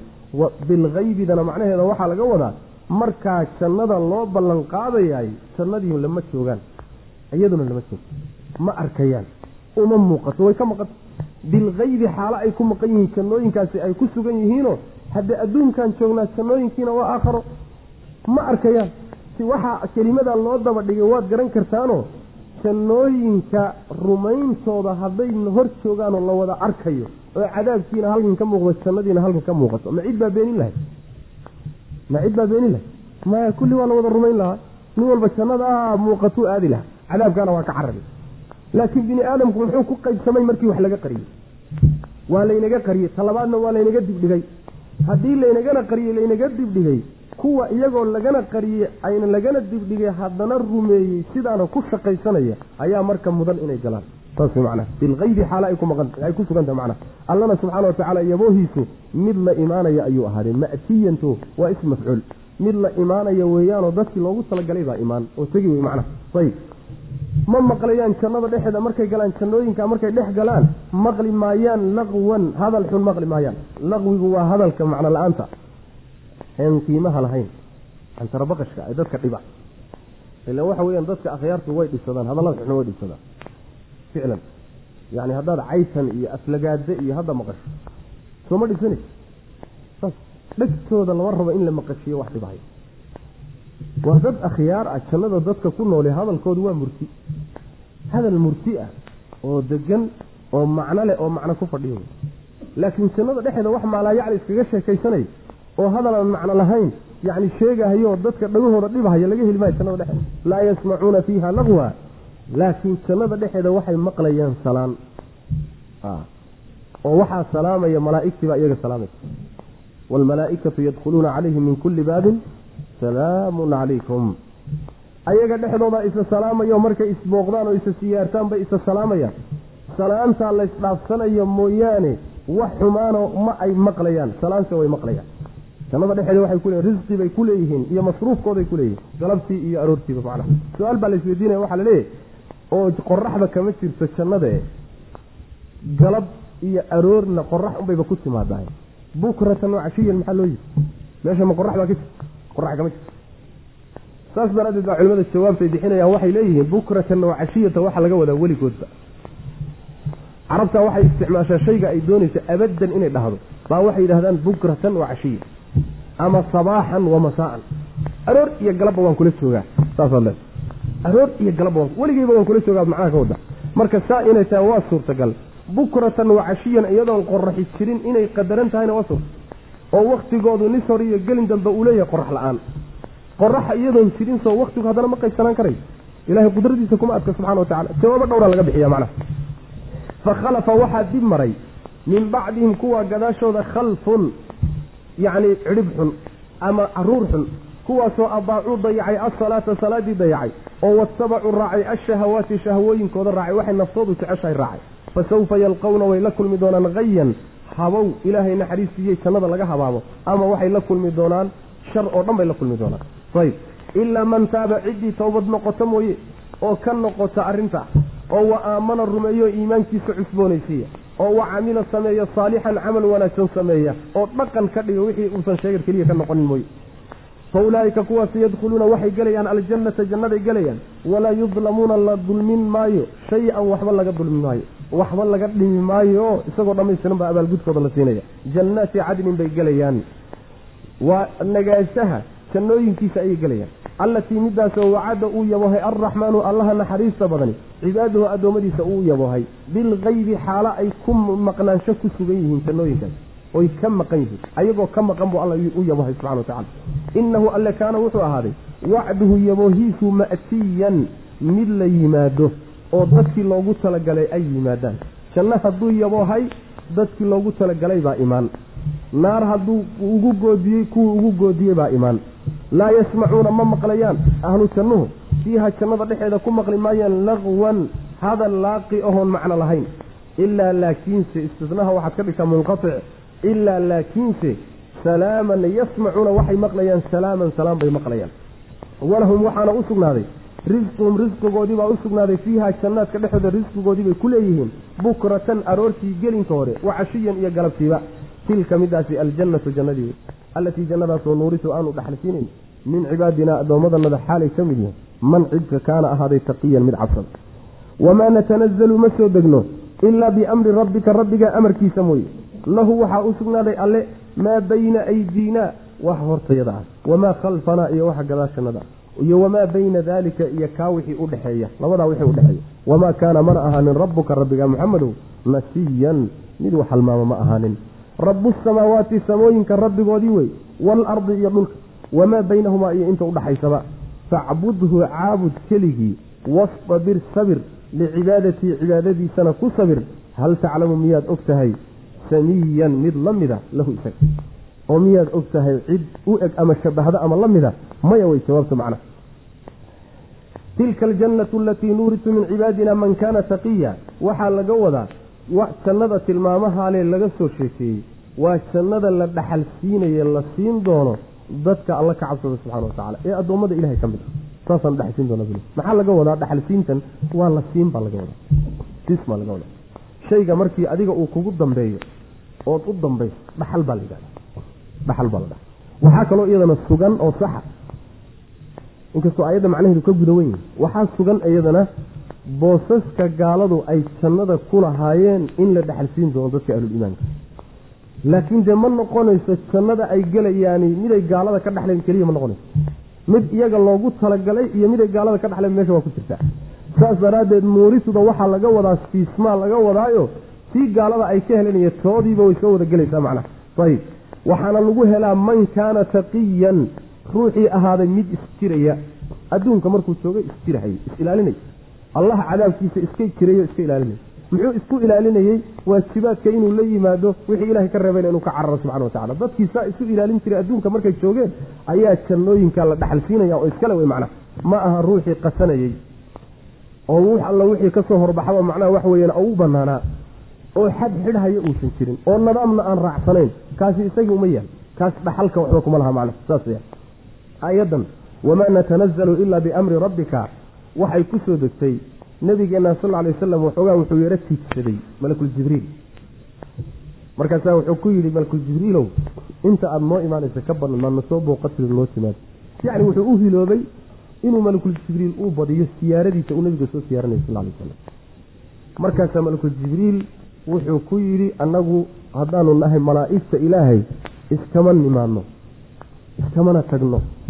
Amarka tilaabada aan qaadayno waxay ku xidhan tahay amar ilahi subxana watacala saas daraaddeed markaan kuu imaanayo waa mar ilaahay isoo diray. Markaan kaa daahana waa mar ilaahay qorsheeyey inaan kaa daaho. Tale aan anugu leeyahayna kuma socdo saasuu macnaha ugu cudurdaas wamaa natanazalu ilaa biamri rabbika ma soo degna buuhi haddaanu malaa'igtan lahay amar ilaahay mooye wax kale kuma soo degno waxaa u sugnaaday alle waxa naga horeeyooo mustaqbalka soo socda. Waxa naga dambeeyooo zamankan soo dhaafnay. Wixii intaa u dhexeeyo hadda waktiga waxa jooga. Ilan waxa weeyaan waxa jiro oo dhan ama waa wax tegey ama waa wax soo socdo ama waa wax hadda jooga. Sooma kullii waxaasoo dhan ilahay baa lebu allah maamulo oo u taliya. Rabbigaana marka aan kaa dib dhacay oo isaga amarkiisa aan ku dib dhacay muusan ku halmaamin. Wamaa kaana rabbuka nasiya. Qorshaas sida qorshahaasaa ahaa mooye laguma halmaamin. Sideedabana rabbi subxaana wa tacaala halmaan wax ugama dhacan halmaanku waa sifatu naqsi. Waa sifo dhimanaansho kutusaysa dhimanaanshana makhluuq baa iskale khaaliqu dhimanaansho mala wamaa kaana rabbuka nasiya. Wax ma halmaamo. Tashriicaadkiisa iyo markuu addoommadiisa wax u jidaynayo ma halmaamo ma halmaamo waxyaabaha khalqigi iyo waxyaaba afcaashu wuxuu abuuraya alla subxana watacala ma halmaamo. Waxba ilahay ma halmaamo subxana wa tacala wamaa kaana rabbuka nasiya. Saas way macnaha rabbigaasi waa rabbiga samaawaadka iyo dhulalka iskale. Iyo inta udhaxaysaba isagaana abuurtay isagaana u taliya isagayna ku dambayn doonaan cidina lama wadaagto. Isaga marka keligii caabud. Maxaa lagaa rabaa adiga? Caabud isaga keligii cibaadadiisana ku sabiroo nafta ku celi oo adkay u adkayso cibaadadiisa oo miyaad og tahay cid alla la mida subxana wa tacaala miyaad og tahay? Maya. Rabu asamaawaati waalardi wamaa baynahumaa. Taasi waa rububiyadii oo rabbinimadiisa iyo kownkan inaan lala maamulin oo keligii leeyahay bay kutusaysa facbudhuna waa cubuudiyadii oo addoommada wixii laga rabay wey.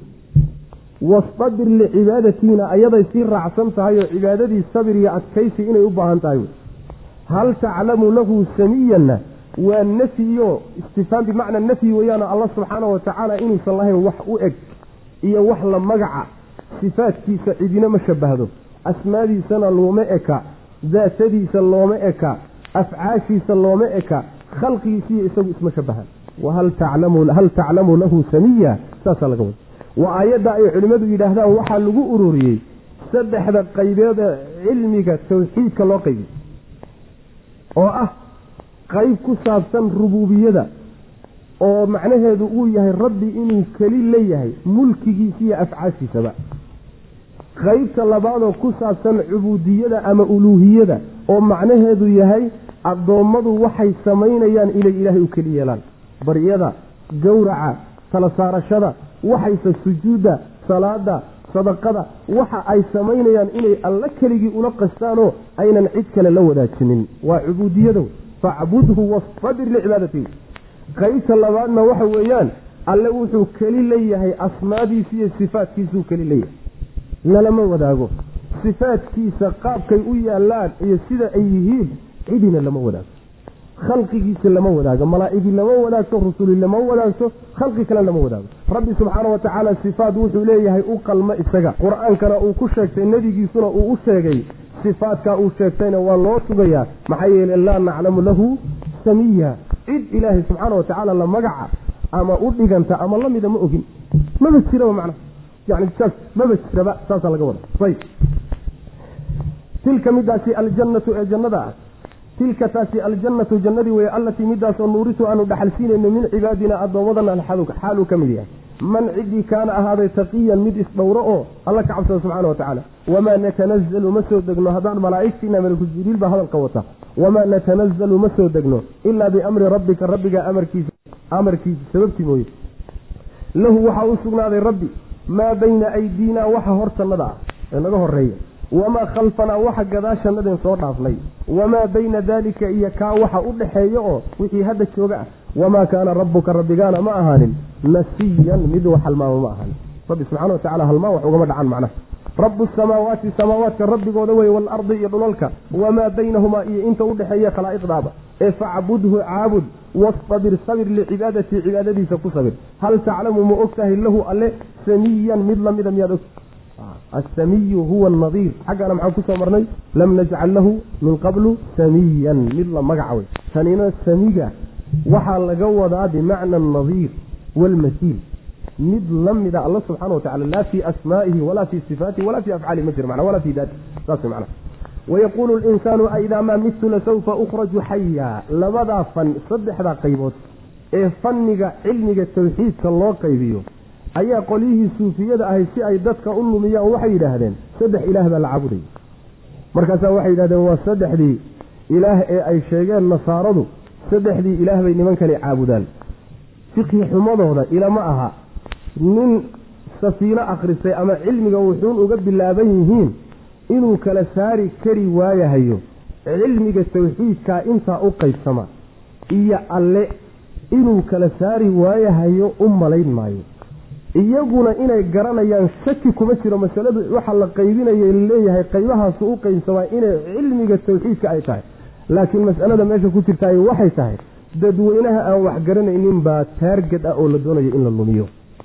Odayga miskiinkae caamayga ah ee isagu aan kala garanaynin waxbana garanaynin meelna ugu qufulan oo meel ay ku xidheen waxoogaagana ay ka uruursadaan odaygaasaa loo dalleeyaho la doonaya inuu xidhnaado meeshaa ku qufulaado markaasaa la leeyahay diintii baa saddex ilaah baa la sheegay nimanku saddex ilaah bay dadka u sheegaan oo dhigaan war saddex ilaah ma jiraan. Saddex ilaah ma ahee rabbi subxaana wa tacaala saddex arrimood u gooni yeela. Inuu isagu kownkan abuurtay oo maamulo u taliyo u gooni yeela. Soo qayb ma ah waxaad u gooni yeeshaan waxaad samaynaysaaneed ugu dhowaanaysaan keli uga dhiga cubuudiya la yidhahdaa ama uluuhiye oo cid kale ha la wadaajinina. Magacyuu leeyahay iyo sifaad eh cidna ha la wadaajinine u gooni yeela saddexdaa alla u gooni yeela markii la yidhi waxay yidhaahdeen saddex ilaah baa la sheegay. Soo kaafiya kala dheeri ma waan dadun doonaya inay wax lumiyaan oy dadka habaabiyaan oo ay waxaan jirin u sheegaan. Waa hore la dhihi jiray salligii baa la diidayey tawasulkii baa la diidayey awliyadii baa la diidayey wixii uun qaab qaabkii uun bay ku socotaa. Tii uun mid lamida weeyaano haddana saddex ilaah baa la sheegayey warkii uun la dhihi jiray wey macnaa ka soco wayaquulu linsaanu aidaa maa midtu lasawfa ukhraju xaya awalaa yadkuru linsaanu anna khalaqnaahu min qabl walam yaku shaya wayaquulu wuxuu leeyahy alinsaanu insaankii wuxuu leeyahy aidaa maa midtu ma markaan dhinto lasawfa ukhraju miyaa laysoo bixin doonaa xayan anigoo nool awalaa yadkuru miyuusan xusuusnayn alinsaanu insaanka miyuusan xusuusnayn annaa anagu khalaqnaahu inaan abuurnay min qablu horaan walxaal lam yaku uusan ahaanin shay-an isagoon waxba ahayn fawa rabbika rabbigaa baan ku dhaartay lanaxsurannahum waanu soo shirinoo waanu soo shirin iyaga iyo washayaaiina iyo shayaadiintiiba waanu soo kulmin uma kadibna lanuxdirannahum waanu xaadirin oo waanu xaadirin xawla jahannama jahannamo hareeraheedaanu xaadirin jisiyan xaalo ayhin kuwa jilba joogo jilbaha ku fadhiya uma kadibna lanansicanna walle waanu siibi oo waanu siibi min kulli shiicatin koox walba xaggeeda waxaanu ka siibaynaa ayuhum kooda ashaddu ugu adayg badan. Cala araxmaani allaha naxariista badan korkiisa citiyan xagga madax adayga uma kadibna lanaxnu annaga ayaa aclamu ogaansho badan. Biladiina kuwii baanu ogaansho badannahay hum iyagu awlaa habboonaansho badan. Bihaa naarta ku habboonaansho badan. Siliyan gubashada xaggeeda lagu gubto.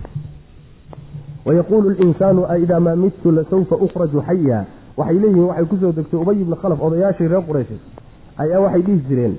Yacni ma markaan dhinto kadib baa laysoo celinaya insaankii baa saale. Waa insaankee waa insaanka diidan mabda'a in laysa soo saari doono. Nolol dambe diidan. Geerida kadib nolosha ka dambaysa insaanka diidan oo dhan ayaa sidan odhanaya. Wuxuu leeyahay aidaa maa midtu lasawfa ukhraju xaya war markaan dhinto oo lafahaygu ay caro noqdaan dhacaankaygi dhulka galo hilibkaygiiyo jirkaygii baaba-aan ma markaa kadib baa anoo nool laysoo celiy oo laysoo saari miya waa waxaan dhici karin caqligu qaadan karin aan suuroobi karin aan la maqli karin saasuu leey jawaab baa la siiyey. Waxaa la yidhi miyuusan xusuusnayn insaanka saa odhanayaay inaanu abuurnay hadda ka hor isagoon waxba ahayn. Walam yaku shay-an. War bal dib u fiiriyo adigoon jirin. Allaha ku keenay oo ku abuuray noloshan ku geliyey xooggan ku siiyey. Soo ma awoodo markaad baaba'day kadib inuu ku soo celiyo dib kuu soo noolay. Kee fudud? Shay bilowgiis. Iyo markuu baaba'ay kadib in la soo celiyo. Kee fudud? Ya soo celintaa ka fudud. Masalan tusaale haddaan idin siiyo gurigani. Gurigan dhismihiisa marka hore la dhisayo. Dhismihiisa hore muhandiska dhisaya injineerka dhisayaay wuxuu u baahay inuu khariido dejiyo sooma khariidadii raaco dhismihii dhiso wakti bay ku qaadanaysa. Gurigii wuu dumay ee sidiisii ku soo celi haddii la yidhaahdo ma uga fududahay mise markii hore adkay? Way uga fududahay khariidadii buu haystaa. Hadda wuxuu u baahan yahay dhagaxii inuu isa saarsaaro unbas soo saas ma taasi waa bini aadamka waay. Qiyaasta marka layna siinayo waxa weeyaan war bal idinka laftiinna allah soo celintiiyo bilowgii hore waa isugu mide laakiin idinka bal intaad fiirisaan oo caqligiina ku noqotaan markii hore allaha awooday inuu isagoon waxba ahayn keeno inuu soo celiyo soo uma fududa. Saas way awalaa yadkuru linsaanu anna khalaqnaahu min qabl walam yaku shayan? Waxba adoon ahayn baa lagu keenay. Rabbi subxana wa tacala marka waa u dhaartay. Fawarabbika lanaxshurannahum washayaaiin rabbi baa baan ku dhaartaye waanu soo kulminaynaa oo waanu soo shirinaynaa iyaga iyo shayaadiintaba kadibna waanu soo xaadirinaynaa naarta jahanaba hareeraheedaanu soo xaadirinaynaa. Ayagoo jilbaha ku fadhiya jisiyan. Yacni meeshaa la keenayaa dulliga ka muuqata iyo ihaanada iyo fadeexada ayagoo jilbaha ku fadfadhiyaa naarta jahanaba hareeraheeda lagu soo ururinaya kadibna meeshaasaa mid mid loola baxaya uma lanansicanna min kulli shiicat koox walba koodii ugu madax adkaa ee ugu dhib badnaa baa lala baxaya uma lanansicanna min kulli shiicatin koox walba xaggeeda waxaan ka siibaynaa ayuhum kooda ashaddu ugu adayg badnaa adduunka markii la joogay. Cala araxmaani allaha naxariista badan korkiisa citiyan madax adayga xaggiisa koodii ugu madax adkaa yacni yahuudi baa meeshan fadhida oo koox kooxa nasaaradii waa koox koox. Majuusiyadii waa koox koox. Muslimiinta laftoodii markii la yimaado yacni wa dadki waxay isu raacraacsan yihiin sidii laysugu dembi ahaa. Intii isku dembi ahaaba waa israacsan yihiin koox koox baa marka loo fadhiyaa koox walba inta loo tago baa say u kala darnaayeen adduunka markii la joogay baa loo soo qabanaya. Waxaa la leeyahay hebel soo siib hebel soo siib hebel soo siib waa la siibay. Naartaa lagu daadinaya. Waa lagu soo noqonaya. Haddana kuwii ku xigay xagga madax adayga iyo dhibkiiyo gaalnimadaa lagu xijinaya hebel iyo hebel iyo hebel hebel haddana soo qabta. Haddana koox baa lala baxaya. Wahaakada lanansicanna min kulli shiicatin. Ayuhum ashaddu cala araxmaani laanna iyagoo wada gaala bay haddana kala daran yihiin sooma ayagoo wada gaalay wada kala daran yihiin iyagoo faajiriin oo dambiilayaala haddana kala daran yihiin say u kala daran yihiin baa macnaha loo kala qabanaya macnaha. Rabbi subxaana wa tacala wuxuu yidhi annagaana garanayna kuwa ku habooni badan inay naarta ku gubtaan. Xaggee laga garanayaa inay adduunka kala darnaayeen diiwaan baa laga akrin miyaa rabbi wuxuu lehy subxaana wa tacala annagaa garanay iyaga la weydiin maayo la dhihi maayo war seed u kala darnaydeen oo u kala madxadkeen u kala gaalnimo badnaydeen la dhihi maayo. Limaada? Lianna ilahay baa xoggaala subxana wa tacala anaa og buu rabbi subxana wa tacala hawshaa garanaya macna saas weya wayaquulu linsaanu insaankii wuxuu leeyahay aidaa maa midtu ma markaan dhinto? Aidaa maa midtu marka markaan dhinto? Lasawfa ukhraju miyaa laysoo bixin doonaa xayan anoo nool awalaa yadkuru miyuusan xusuusnayn alinsaanu insaankii annaa anagu khalaqnaahu inaan abuurnay min qablu hadda ka hor walhaal lam yakun isagoon ahayn shay-an waxba ahayn isagoo wax jiraba ahayn macna fawa rabbika rabbigaa baan ku dhaartay lanaxsurannahum waanu soo shirin oo waanu soo shirin iyaga iyo washayaaiina shayaaiintii baanu soo shirinaynaa shayaadiintay caabudi jireen iyo iyagaba waanu soo shirinayna waxaa laga wadataa qubuurtaa laga soo saaray. Markaasaa laysu keenay. Kow. Uma kadibna lanuxdirannahum waanu xaadirin oo waanu xaadirin. Xawla jahannama naarta jahannama hareeraheedaanu xaadirinayna qubuurta marka laga soo saaroo laysu keeno baa inta la kaxeeyaa waxaa la dul fadhfadhiisiinayaa naartii jahannama walciyaadu billah. Jisiyan xaalo ay yihiin kuwo jilba joogo oo jilbaha ku fadhiya. Dullaysan macna. Uma kadibna lanansicanna walle waanu siibi o waanu siibi min kulli shiicatin koox walba xaggeeda waxaan ka siibaynaa ayuhum koodii ashaddu ugu adayg badnaa adduunka markii la joogay. Cala araxmaani allaha naxariista badan korkiisa citiyan xagga madax adayg uma kadibna lanaxnu annaga ayaa aclamu ogaansho badan biladiina kuwa hum iyaguba awlaa habboonaansho badan bihaa naarta ku habboonaansho badan siliyan gelitaanka iyo gubashada xaggeeda inay ku gubtaan ugu habboonaansho badan annagaa og rabbi subxana wa tacala wa in minkum idinka mid ma ah. Axad wey macna. Axadna idinka mid ma ah. Ilaa hadduu idinka mid yahay waariduhaa mid ku arooraya wey naarta kaana wuxuu ahaaday calaa rabbika rabbigaa dushiisa wuxuu ahaaday arrinkaasi xatman mid laasim ah maqdiyan oo la xukumay uma kadibna nunajii waxaanu badbaadinaynaa aladiina kuwii ittaqow cabsaday baanu badbaadinaa kuwii cabsan jiray wanadaru waanu ka tegaynaa aldaalimiina daalimiinta waanu ka tegaynaa fiihaa naarta dhexeedaan kaga tegaynaa jisiyan xaalo ay yihiin kuwa kuwa jilba jooga oo jilbaha u fadhiya waidaa tutla calayhim aayaatunaa waidaa goortii tutlaa la akriyo calayhim dushooda aayaatunaa aayadahanaga lagu akriyo waidaa goortii tutlaa la akriyo calayhim dushooda aayaatunaa aayadahanaga markii lagu akriyo bayinaatin iyagoo cadcad. Qaala waxay yidhahdeen waxay odhanayaan aladiina kuwii waxay yidhahdeen kafaruu kufriyey. Liladiina kuwii waxay ku dhaheen aamanuu rumeeyey. Ayulfariiqayni labada kooxood mideebaa khayrun khayr badan maqaaman xagga makaanu nagaanshaha makaanu joogitaanka iyo gurigay degan yihiin. Oo wa axsanu wanaag badan nadiyan xagga naadiga la fadhiisto macnaheedu waxa weeye wa in minkum ilaa waariduhaa mid kasta oo idinka idinka mida khalaa'iqdii baa hadda laysku qabtay. Haddaad mu'miniin tihiin iyo haddaad gaalo tihiin kulligiin mid kastaoo idinka mida naarta waa ku arooraya maxaa laga wada waad ku arooreysaan maxaa laga wada waad ku arooreysaan waxaa laga wadaa dhowr tafsiir baa ku jira.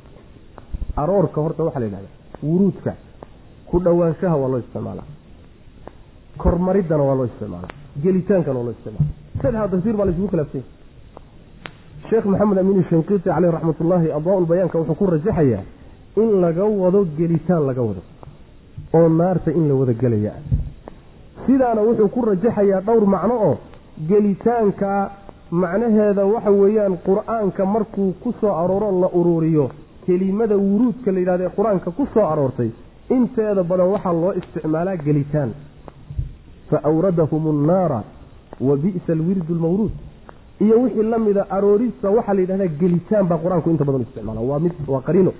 Qariinada labaadi waxa weeye aayadda lafteedaa laga fahmayaayo rabbi wuxuu yihi subxaanahu wa tacaala uma nunaji aladiina itaqow wanadaru aalimiina fiiha jisiya kuwii alle ka cabsan jirayna waan ka samata bixinaynaa daalimiintiina dhexdeedaan kaga tegaynaa. Soo in la wada galay maaha markaa waxaa kaleeto intaa ku kabayaa xadiis imaamu axmed iyo xaakimi ay soo saareen. Min xadiidi jaabir inuu aan u malaynaya oo uu leeyahay ninka taabicigii waxaan ku murannay aayaddan ma gelitaan baa mise waa kormarid? Markaasaanu jaabir bni cabdilaahi u tagnay. Waanu weydiinay markaasu wuxuu ihi nebi maxamed baan weydiino wuxuu nebigu yihi sal alay wasalam gelitaan weeyaan laakiin dadka ahlul iimaanka markay galaan waxay u noqonaysaa qabow iyo nabadgeliyo dadka ahlu naarku una cadaab iyo kulayl bay u noqonaysaa. Macnaha yacni qaraa-intaas saddexdaabuu marka ku rajaxaya wuxuu leeyahay waa la wadageli horta. Waa la wadageli naarta waa la wadageli. Markii la wadagelo kadib gelitaankaa la galay dadka ahlu jannaha ilaahay janno ugu talagalay kuma xanuunsanayaan. Mana dareemayaan kulaylkooda. Sidii nabiyullaahi ibraahimma dabkii lagu riday miyuu dareemay? Miyuu gubay? Ilan dabkan gubitaanka uu ku gubaya amar ilaahay buu kugu gubayaa sooma amarkaasaa la sisina waxa la ma gubi kartaan hebel iyo hebel dadkaas iyaga ha gubin baa laleeyahy naarka way dhex marayaan amaa ahlu naarkii iyaga waa lagaga dhex tegayaa wayna gubaysaa. Sidaas tafsiirkaasaa wuruudka laga wada waana tafsiirka u fiican. Sidaas way macnaha uma nunaji aladiina taqow kadibna dadka ilaahay ka cabsan jiray baa laga samata bixinaya oo way ka baxayaan. Daalimiintana waa lagaga dhex tegaya iyagoo meeshaa ku jira walciyaadu billah rabbi subxaana wa tacaala kadib wuxuu yihi aayadaha ilaahay marka lagu dul akriyo kuwa gaaladii aayadihii oo cadcad. Waxay dhihi jireen war labadeenna qolo kuweebaa xagga guryaha ay degan yihiin ku fiican. Xagga golayaasha la fadhiista iyo naadiyaashana ku wanaagsan. Waa idinkan uun ku hayaa ilaahay baana jecel iyo mu'miniin baanu nahaye jannan agtiisa ku leenahaye adduunka hadda markaynu wada joogno bal isu keen fiiriya haddaad guriga abujahal iyo abulahab iyo ubay ibnu khalaf iyo soo fiirisaan. Guriga maxamedna aada soo fiirisaan alaabta taaliyi siduu u sharaxanya haddee waxa weeyaan waa in iskaga fiican.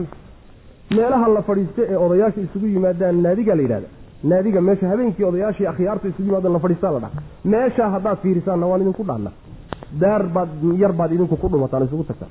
Daarul arqam ibnu arqam yacni daar yar baad gashaan. Annaguna meel la sharxay oo la hagaajiyey oo aada u wanaagsan baan annaguna fadhiisanaa marka adduunkii baanu idinkaga fiicannahay aakhare haddii ay noqotona hade allaha adduunkana siiye unba aakharana qaybinaya sooma saan adduunka idinku dhaanno guryahanagii meelaha fadhiisan idinkaga fiican baan aakharana idinkaga fiicnan doona saasay nimankani wataan macna wa in minkum idinka mid ma aha axadi. Ilaa waariduha xaalo uu ku aroorayo mooye. Yacni uu gelayo oo naarta uu gelayo mooyaane walciyaadu billah kaana wuxuu ahaaday geliddaasi in naarta la wada gelayahay calaa rabbika rabbigaa dushiisa xatman mid waajib a maqdiyan oo la xukumay. Waa arrin la gooyey wey macna laazim la gooyey weye in la wada marayo la wada gelayo macna. Culimada qaarkood waxay ku fasiraan siraadka la marayo. Maxaa yeelay sideedaba jannada waxaa loo maraa jahanamaa ka sokay ruux aan jahanamo marin naar janno geli maayo. Horta waa in naarta la sii maro jid kaloo jannada gala ma jiro. Markii naarta laga gudbo kadib ayaa jannada loo gudbaa marka kormaridda naarta jahanamo jidkeeda la kor marayo ayay culimada qaarkood wuruudka ku fasireen. Qaarna gelitaan rasmiga ku fasireen. Macnasaan horeyba u soo sheegnay saas macna uma kadibna nunaji waan badbaadinayna. Nin saxaabada ka mid a ridwaanullahi calayhim ayaa macnaha aayaddan markuu akrinaya ayuu ooyi markaasaa waxa la yidhi maxaa kaa oohinay? Wuxuu yidhi inaan gelaya alla waa sheegay laakiin inaan ka bixi doono ma sheegin waa xaqiiqadu waa saas. Inaynu wada gelayno soo lama sheegi inaynu gelayno waa la sheegay laakiin adiga hebelehe ina hebele inaad ka baxayso oo aada gelayso uma nunaji aladiina taqow ma lagu sheegay maya. Saas daraaddeed inaan ka bixi doono waa majhuul wa laakiin inaan geli doono waa la hubaa uma kadib nunaji waanu samata bixinayna waan badbaadinaynaa aladiina kuwa ittaqow cabsaday wanadaru waanu ka tegaynaa aldaalimiina daalimiintana fiihaa naarta dhexeedaan kaga tegaynaa jisiyan ayagoo jilbaha u fadhiya waidaa goortii tutlaa la akriya calayhim dushooda aayaatuna aayadahanaga bayinaatin xaalo ay cadcad yihiin qaala waxay yidhahdeen aladiina kuwa kafaruu kufriyey liladiina kuwii waxay ku yidhahdeen aamanuu rumeeyey ayulfariqayni labada kooxood mideeba waa iyaga iyo muminiinte khayrun khayr badan maqaaman xagga makaanu nagaadiga makaanu joogitaanka waa guryaha la degan yahay wa axsanuu wanaag badan. Oo wa axsanuu wanaag badan nadiyan. Xagga naadiga la fadhiisto ee odayaashu isugu yimaadaan. Yacni nadiyigu waa meesha babliga ee laysugu yimaado. Maqaamkuna waa guriga nin walba gooni u leeyahay gooni u degan yahay. Wa kam ahlaknaa waa loo jawaabaya marka. Wa kam in badan ayaanu ahlaknaa halaagnay qablahum hortood oo min qarnin ummada kuwaasoo hum iyaguba axsanuu wanaag badan asaasan xagga saabaanka saabaanka guriga wa ri'yan iyo xagga muuqaalkaba. Qul waxaa tada nebiyow man ciddii kaana ahaaday fi dalaalati baadida dhexeeda ruuxii ku sugan falyamdud ha fidiyo oo ha taago. Lahu isaga alraxmaanu allaha naxariista badani maddan taagitaan ha u taago. Ha u fidiyo waxa uu ku dhex sugan yahay. Xataa idaa ra'uu markay arkaan maa yuucaduuna waxa loo yaboohay ima alcadaaba cadaab wa ima asaacata ama saacaddii markay arkaan fasayaclamuuna way ogaan doonaan man cideeba huwa isaguba sharun shar badan makaanan xagga booska oo wa adcafu taag daran jundan xagga ciidankana taag daran wayaziidu wuu kordhini allahu alle aladiina kuwii wuxuu u kordhinayaa ihtadow hanuunay hudan hanuun buu u kordhinaya waalbaaqiyaatu kuwa baaqiga alsaalixaatu ee wan wanaagsan ayaa khayrun khayr badan cinda rabbika rabbiga agtiisa sawaaban abaalgudka xaggiisa oo wa khayrun khayr badan maraddan makaanu noqodka xaggiisa. Meesha loo noqonayana iyaga ku khayr badan wey macana ayib hadday ku faaneen guryahanaguna guryihiinna waa ka quruxsan yihiin. Naadiga aan isugu nimaanay meelahaan fadhiisanana kuwiinna waa ka quruxsan yihiin. Oy sidaa u deliishadeen in ilaahay jecel yahay waxaa la yidhi kuwa iyaga ka horreeyo qarniyo ah iyagana xagga saabaanka kaga fiican xagga muuqaalkana kaga fiicnaa baan halaagnay bu alla yidhi subxana watacala yacni waxaa la yidhaha asaaska waa alaabta guriga la dhigo guriga lagu qurxiyo. Asaas baa la yidhahda saabaan. Yacni alaabta guriga la dhigana iyaga ka quruxsanaa xagga muuqaalka iyo waxa la xidhana kaga quruxsanaa iyo gaadiidka kuwa noocaasoo iyaga ka horreeyey baanu halaagay meeshaa waxaa lagu fahansiinayaa wax quruxsan oo qiimala oo fiican baa adduunka laygu siiyey kama dhalanayso ilahay baa jecel hadday taasi ka dhalanayso ummadihii idinkaga fiicnaa arrintaa lama halaageen sooma ee la baabi'iyey ayagoo intaa la siiyey baa haddana la halaagay. Saas daraaddeed jacayl kama dhalanayso waxa lagu siiyey taa horta waa mid. Ta labaadi waxa weeye waxaad ku tidhahdaa nebigu ciddii baadi ku sugan ilaahay ha u siyaadi falyamdud lahu araxmaanu maddan waxaa laga wadaa. Waxa uu ku dhex sugan yahay oo barwaaqadee uu haysto alla ha u siyaadiyo ha u fidiyo ha u taago. Si uu intuu u kadsoomo in la jecel yahay u moodo mar uu marqaansan yahay oo ishalmaansan yahay loo qabto. Saas wey macnaa yacni istidraaj wey falyamdud lahu araxmaanu maddan cimriga iyo barwaaqada iyo xoolaha uu haysto allaha u kordhiyo suu isugu halmaamo. Markay arkaan wixii loo yaboohay loogu hanjabay ma cadaabbaa ma saacadbaa mid uu yahayba markay ogaadaan markaasay ogaan doonaan xagga boos ahaan kuwa shar badan ciidan ahaanna taag daran inay iyaga yihiin iyo inay mu'miniinta yihiin. Cadaabka hore imaanaya saacadda ka horreeya waa gacanta mu'miniinta in lagu cadaabo. Oo halaag ku yimaada ilahi subxana watacala uu cadaabo. Allah subxaana wa tacala wuxuu u siyaadinayaa dadka hanuunay hanuun. Baaqiyaadka saalixaadka ee hadhaya acmaasha wan wanaagsan asaan horeyba u soo sheegnay ayaa ilaahay agtiisa khayr badan xagga sawaabka meel loo noqdana iyaga u khayr badan oo u wanaagsan wey macna. Wa kam in badan ayaan ahlaknaa halaagnay qablahum hortooda oo min qarnin ummad ah kuwaasoo hum iyaguba axsanu wanaag badan asaasan xagga saabaanka alaabta guriga la dhigo wa ri'yan iyo xagga muuqaalkaba. Qul waxaa dhadaa nebi o man ciddii kaana ahaaday fi dalaalati baadida dhexeeda ruuxii ku sugnaaday falyamdud ha u taago oo ha u siyaadiye. Lahu isaga alraxmaanu allaha naxariista badani maddan taagitaan. Waxa uu ku dhex sugan yahay ku faanayo allaha ha u siyaadiyo ha u kordhiyo. Xataa idaa ra'w markay arkaan maa yuucaduuna waxa loogu hanjabay ima alcadaaba markay arkaan cadaab. Wa ima asaacata ama saacadii. Yani waa laga bedelaya ima alcadaaba cadaabkii markay arkaan wa ima asaacata fasayaclamuuna way ogaan doonaan man cideeba huwa isagu sharun shar badan makaanan xagga booska guriga uu degan yahay. Wa adcafu taag daran jundan xagga ciidamada iyo dadka la socda ee taageerayaashiisa. Wayaziidu allahu alla wuu siyaadin. Alladiina kuwii ihtadow hanuunay hudan hanuun buu u siyaadinaya. Waalbaaqiyaatu kuwa hadhaya acmaasha hadhaysee joogaysa sawaabkeediiya waxa laga helay alsaalixaatu ee wan wanaagsan ee alla jecel yahay kuwaasa khayrun khayr badan cinda rabbika rabbigaa agtiisa maxay ka khayr badan yihiin xoolihiiyo waxay ku faanayeen sawaaban xagga abaalgudka wa khayrun iyagaa khayr badan maraddan xagga makaanu noqodka meesha loo noqonayay aakharo hada wabilahi towfiiq wsal allahuma wslm cala nabiyina muxamedi wcala alihi saxbi waslm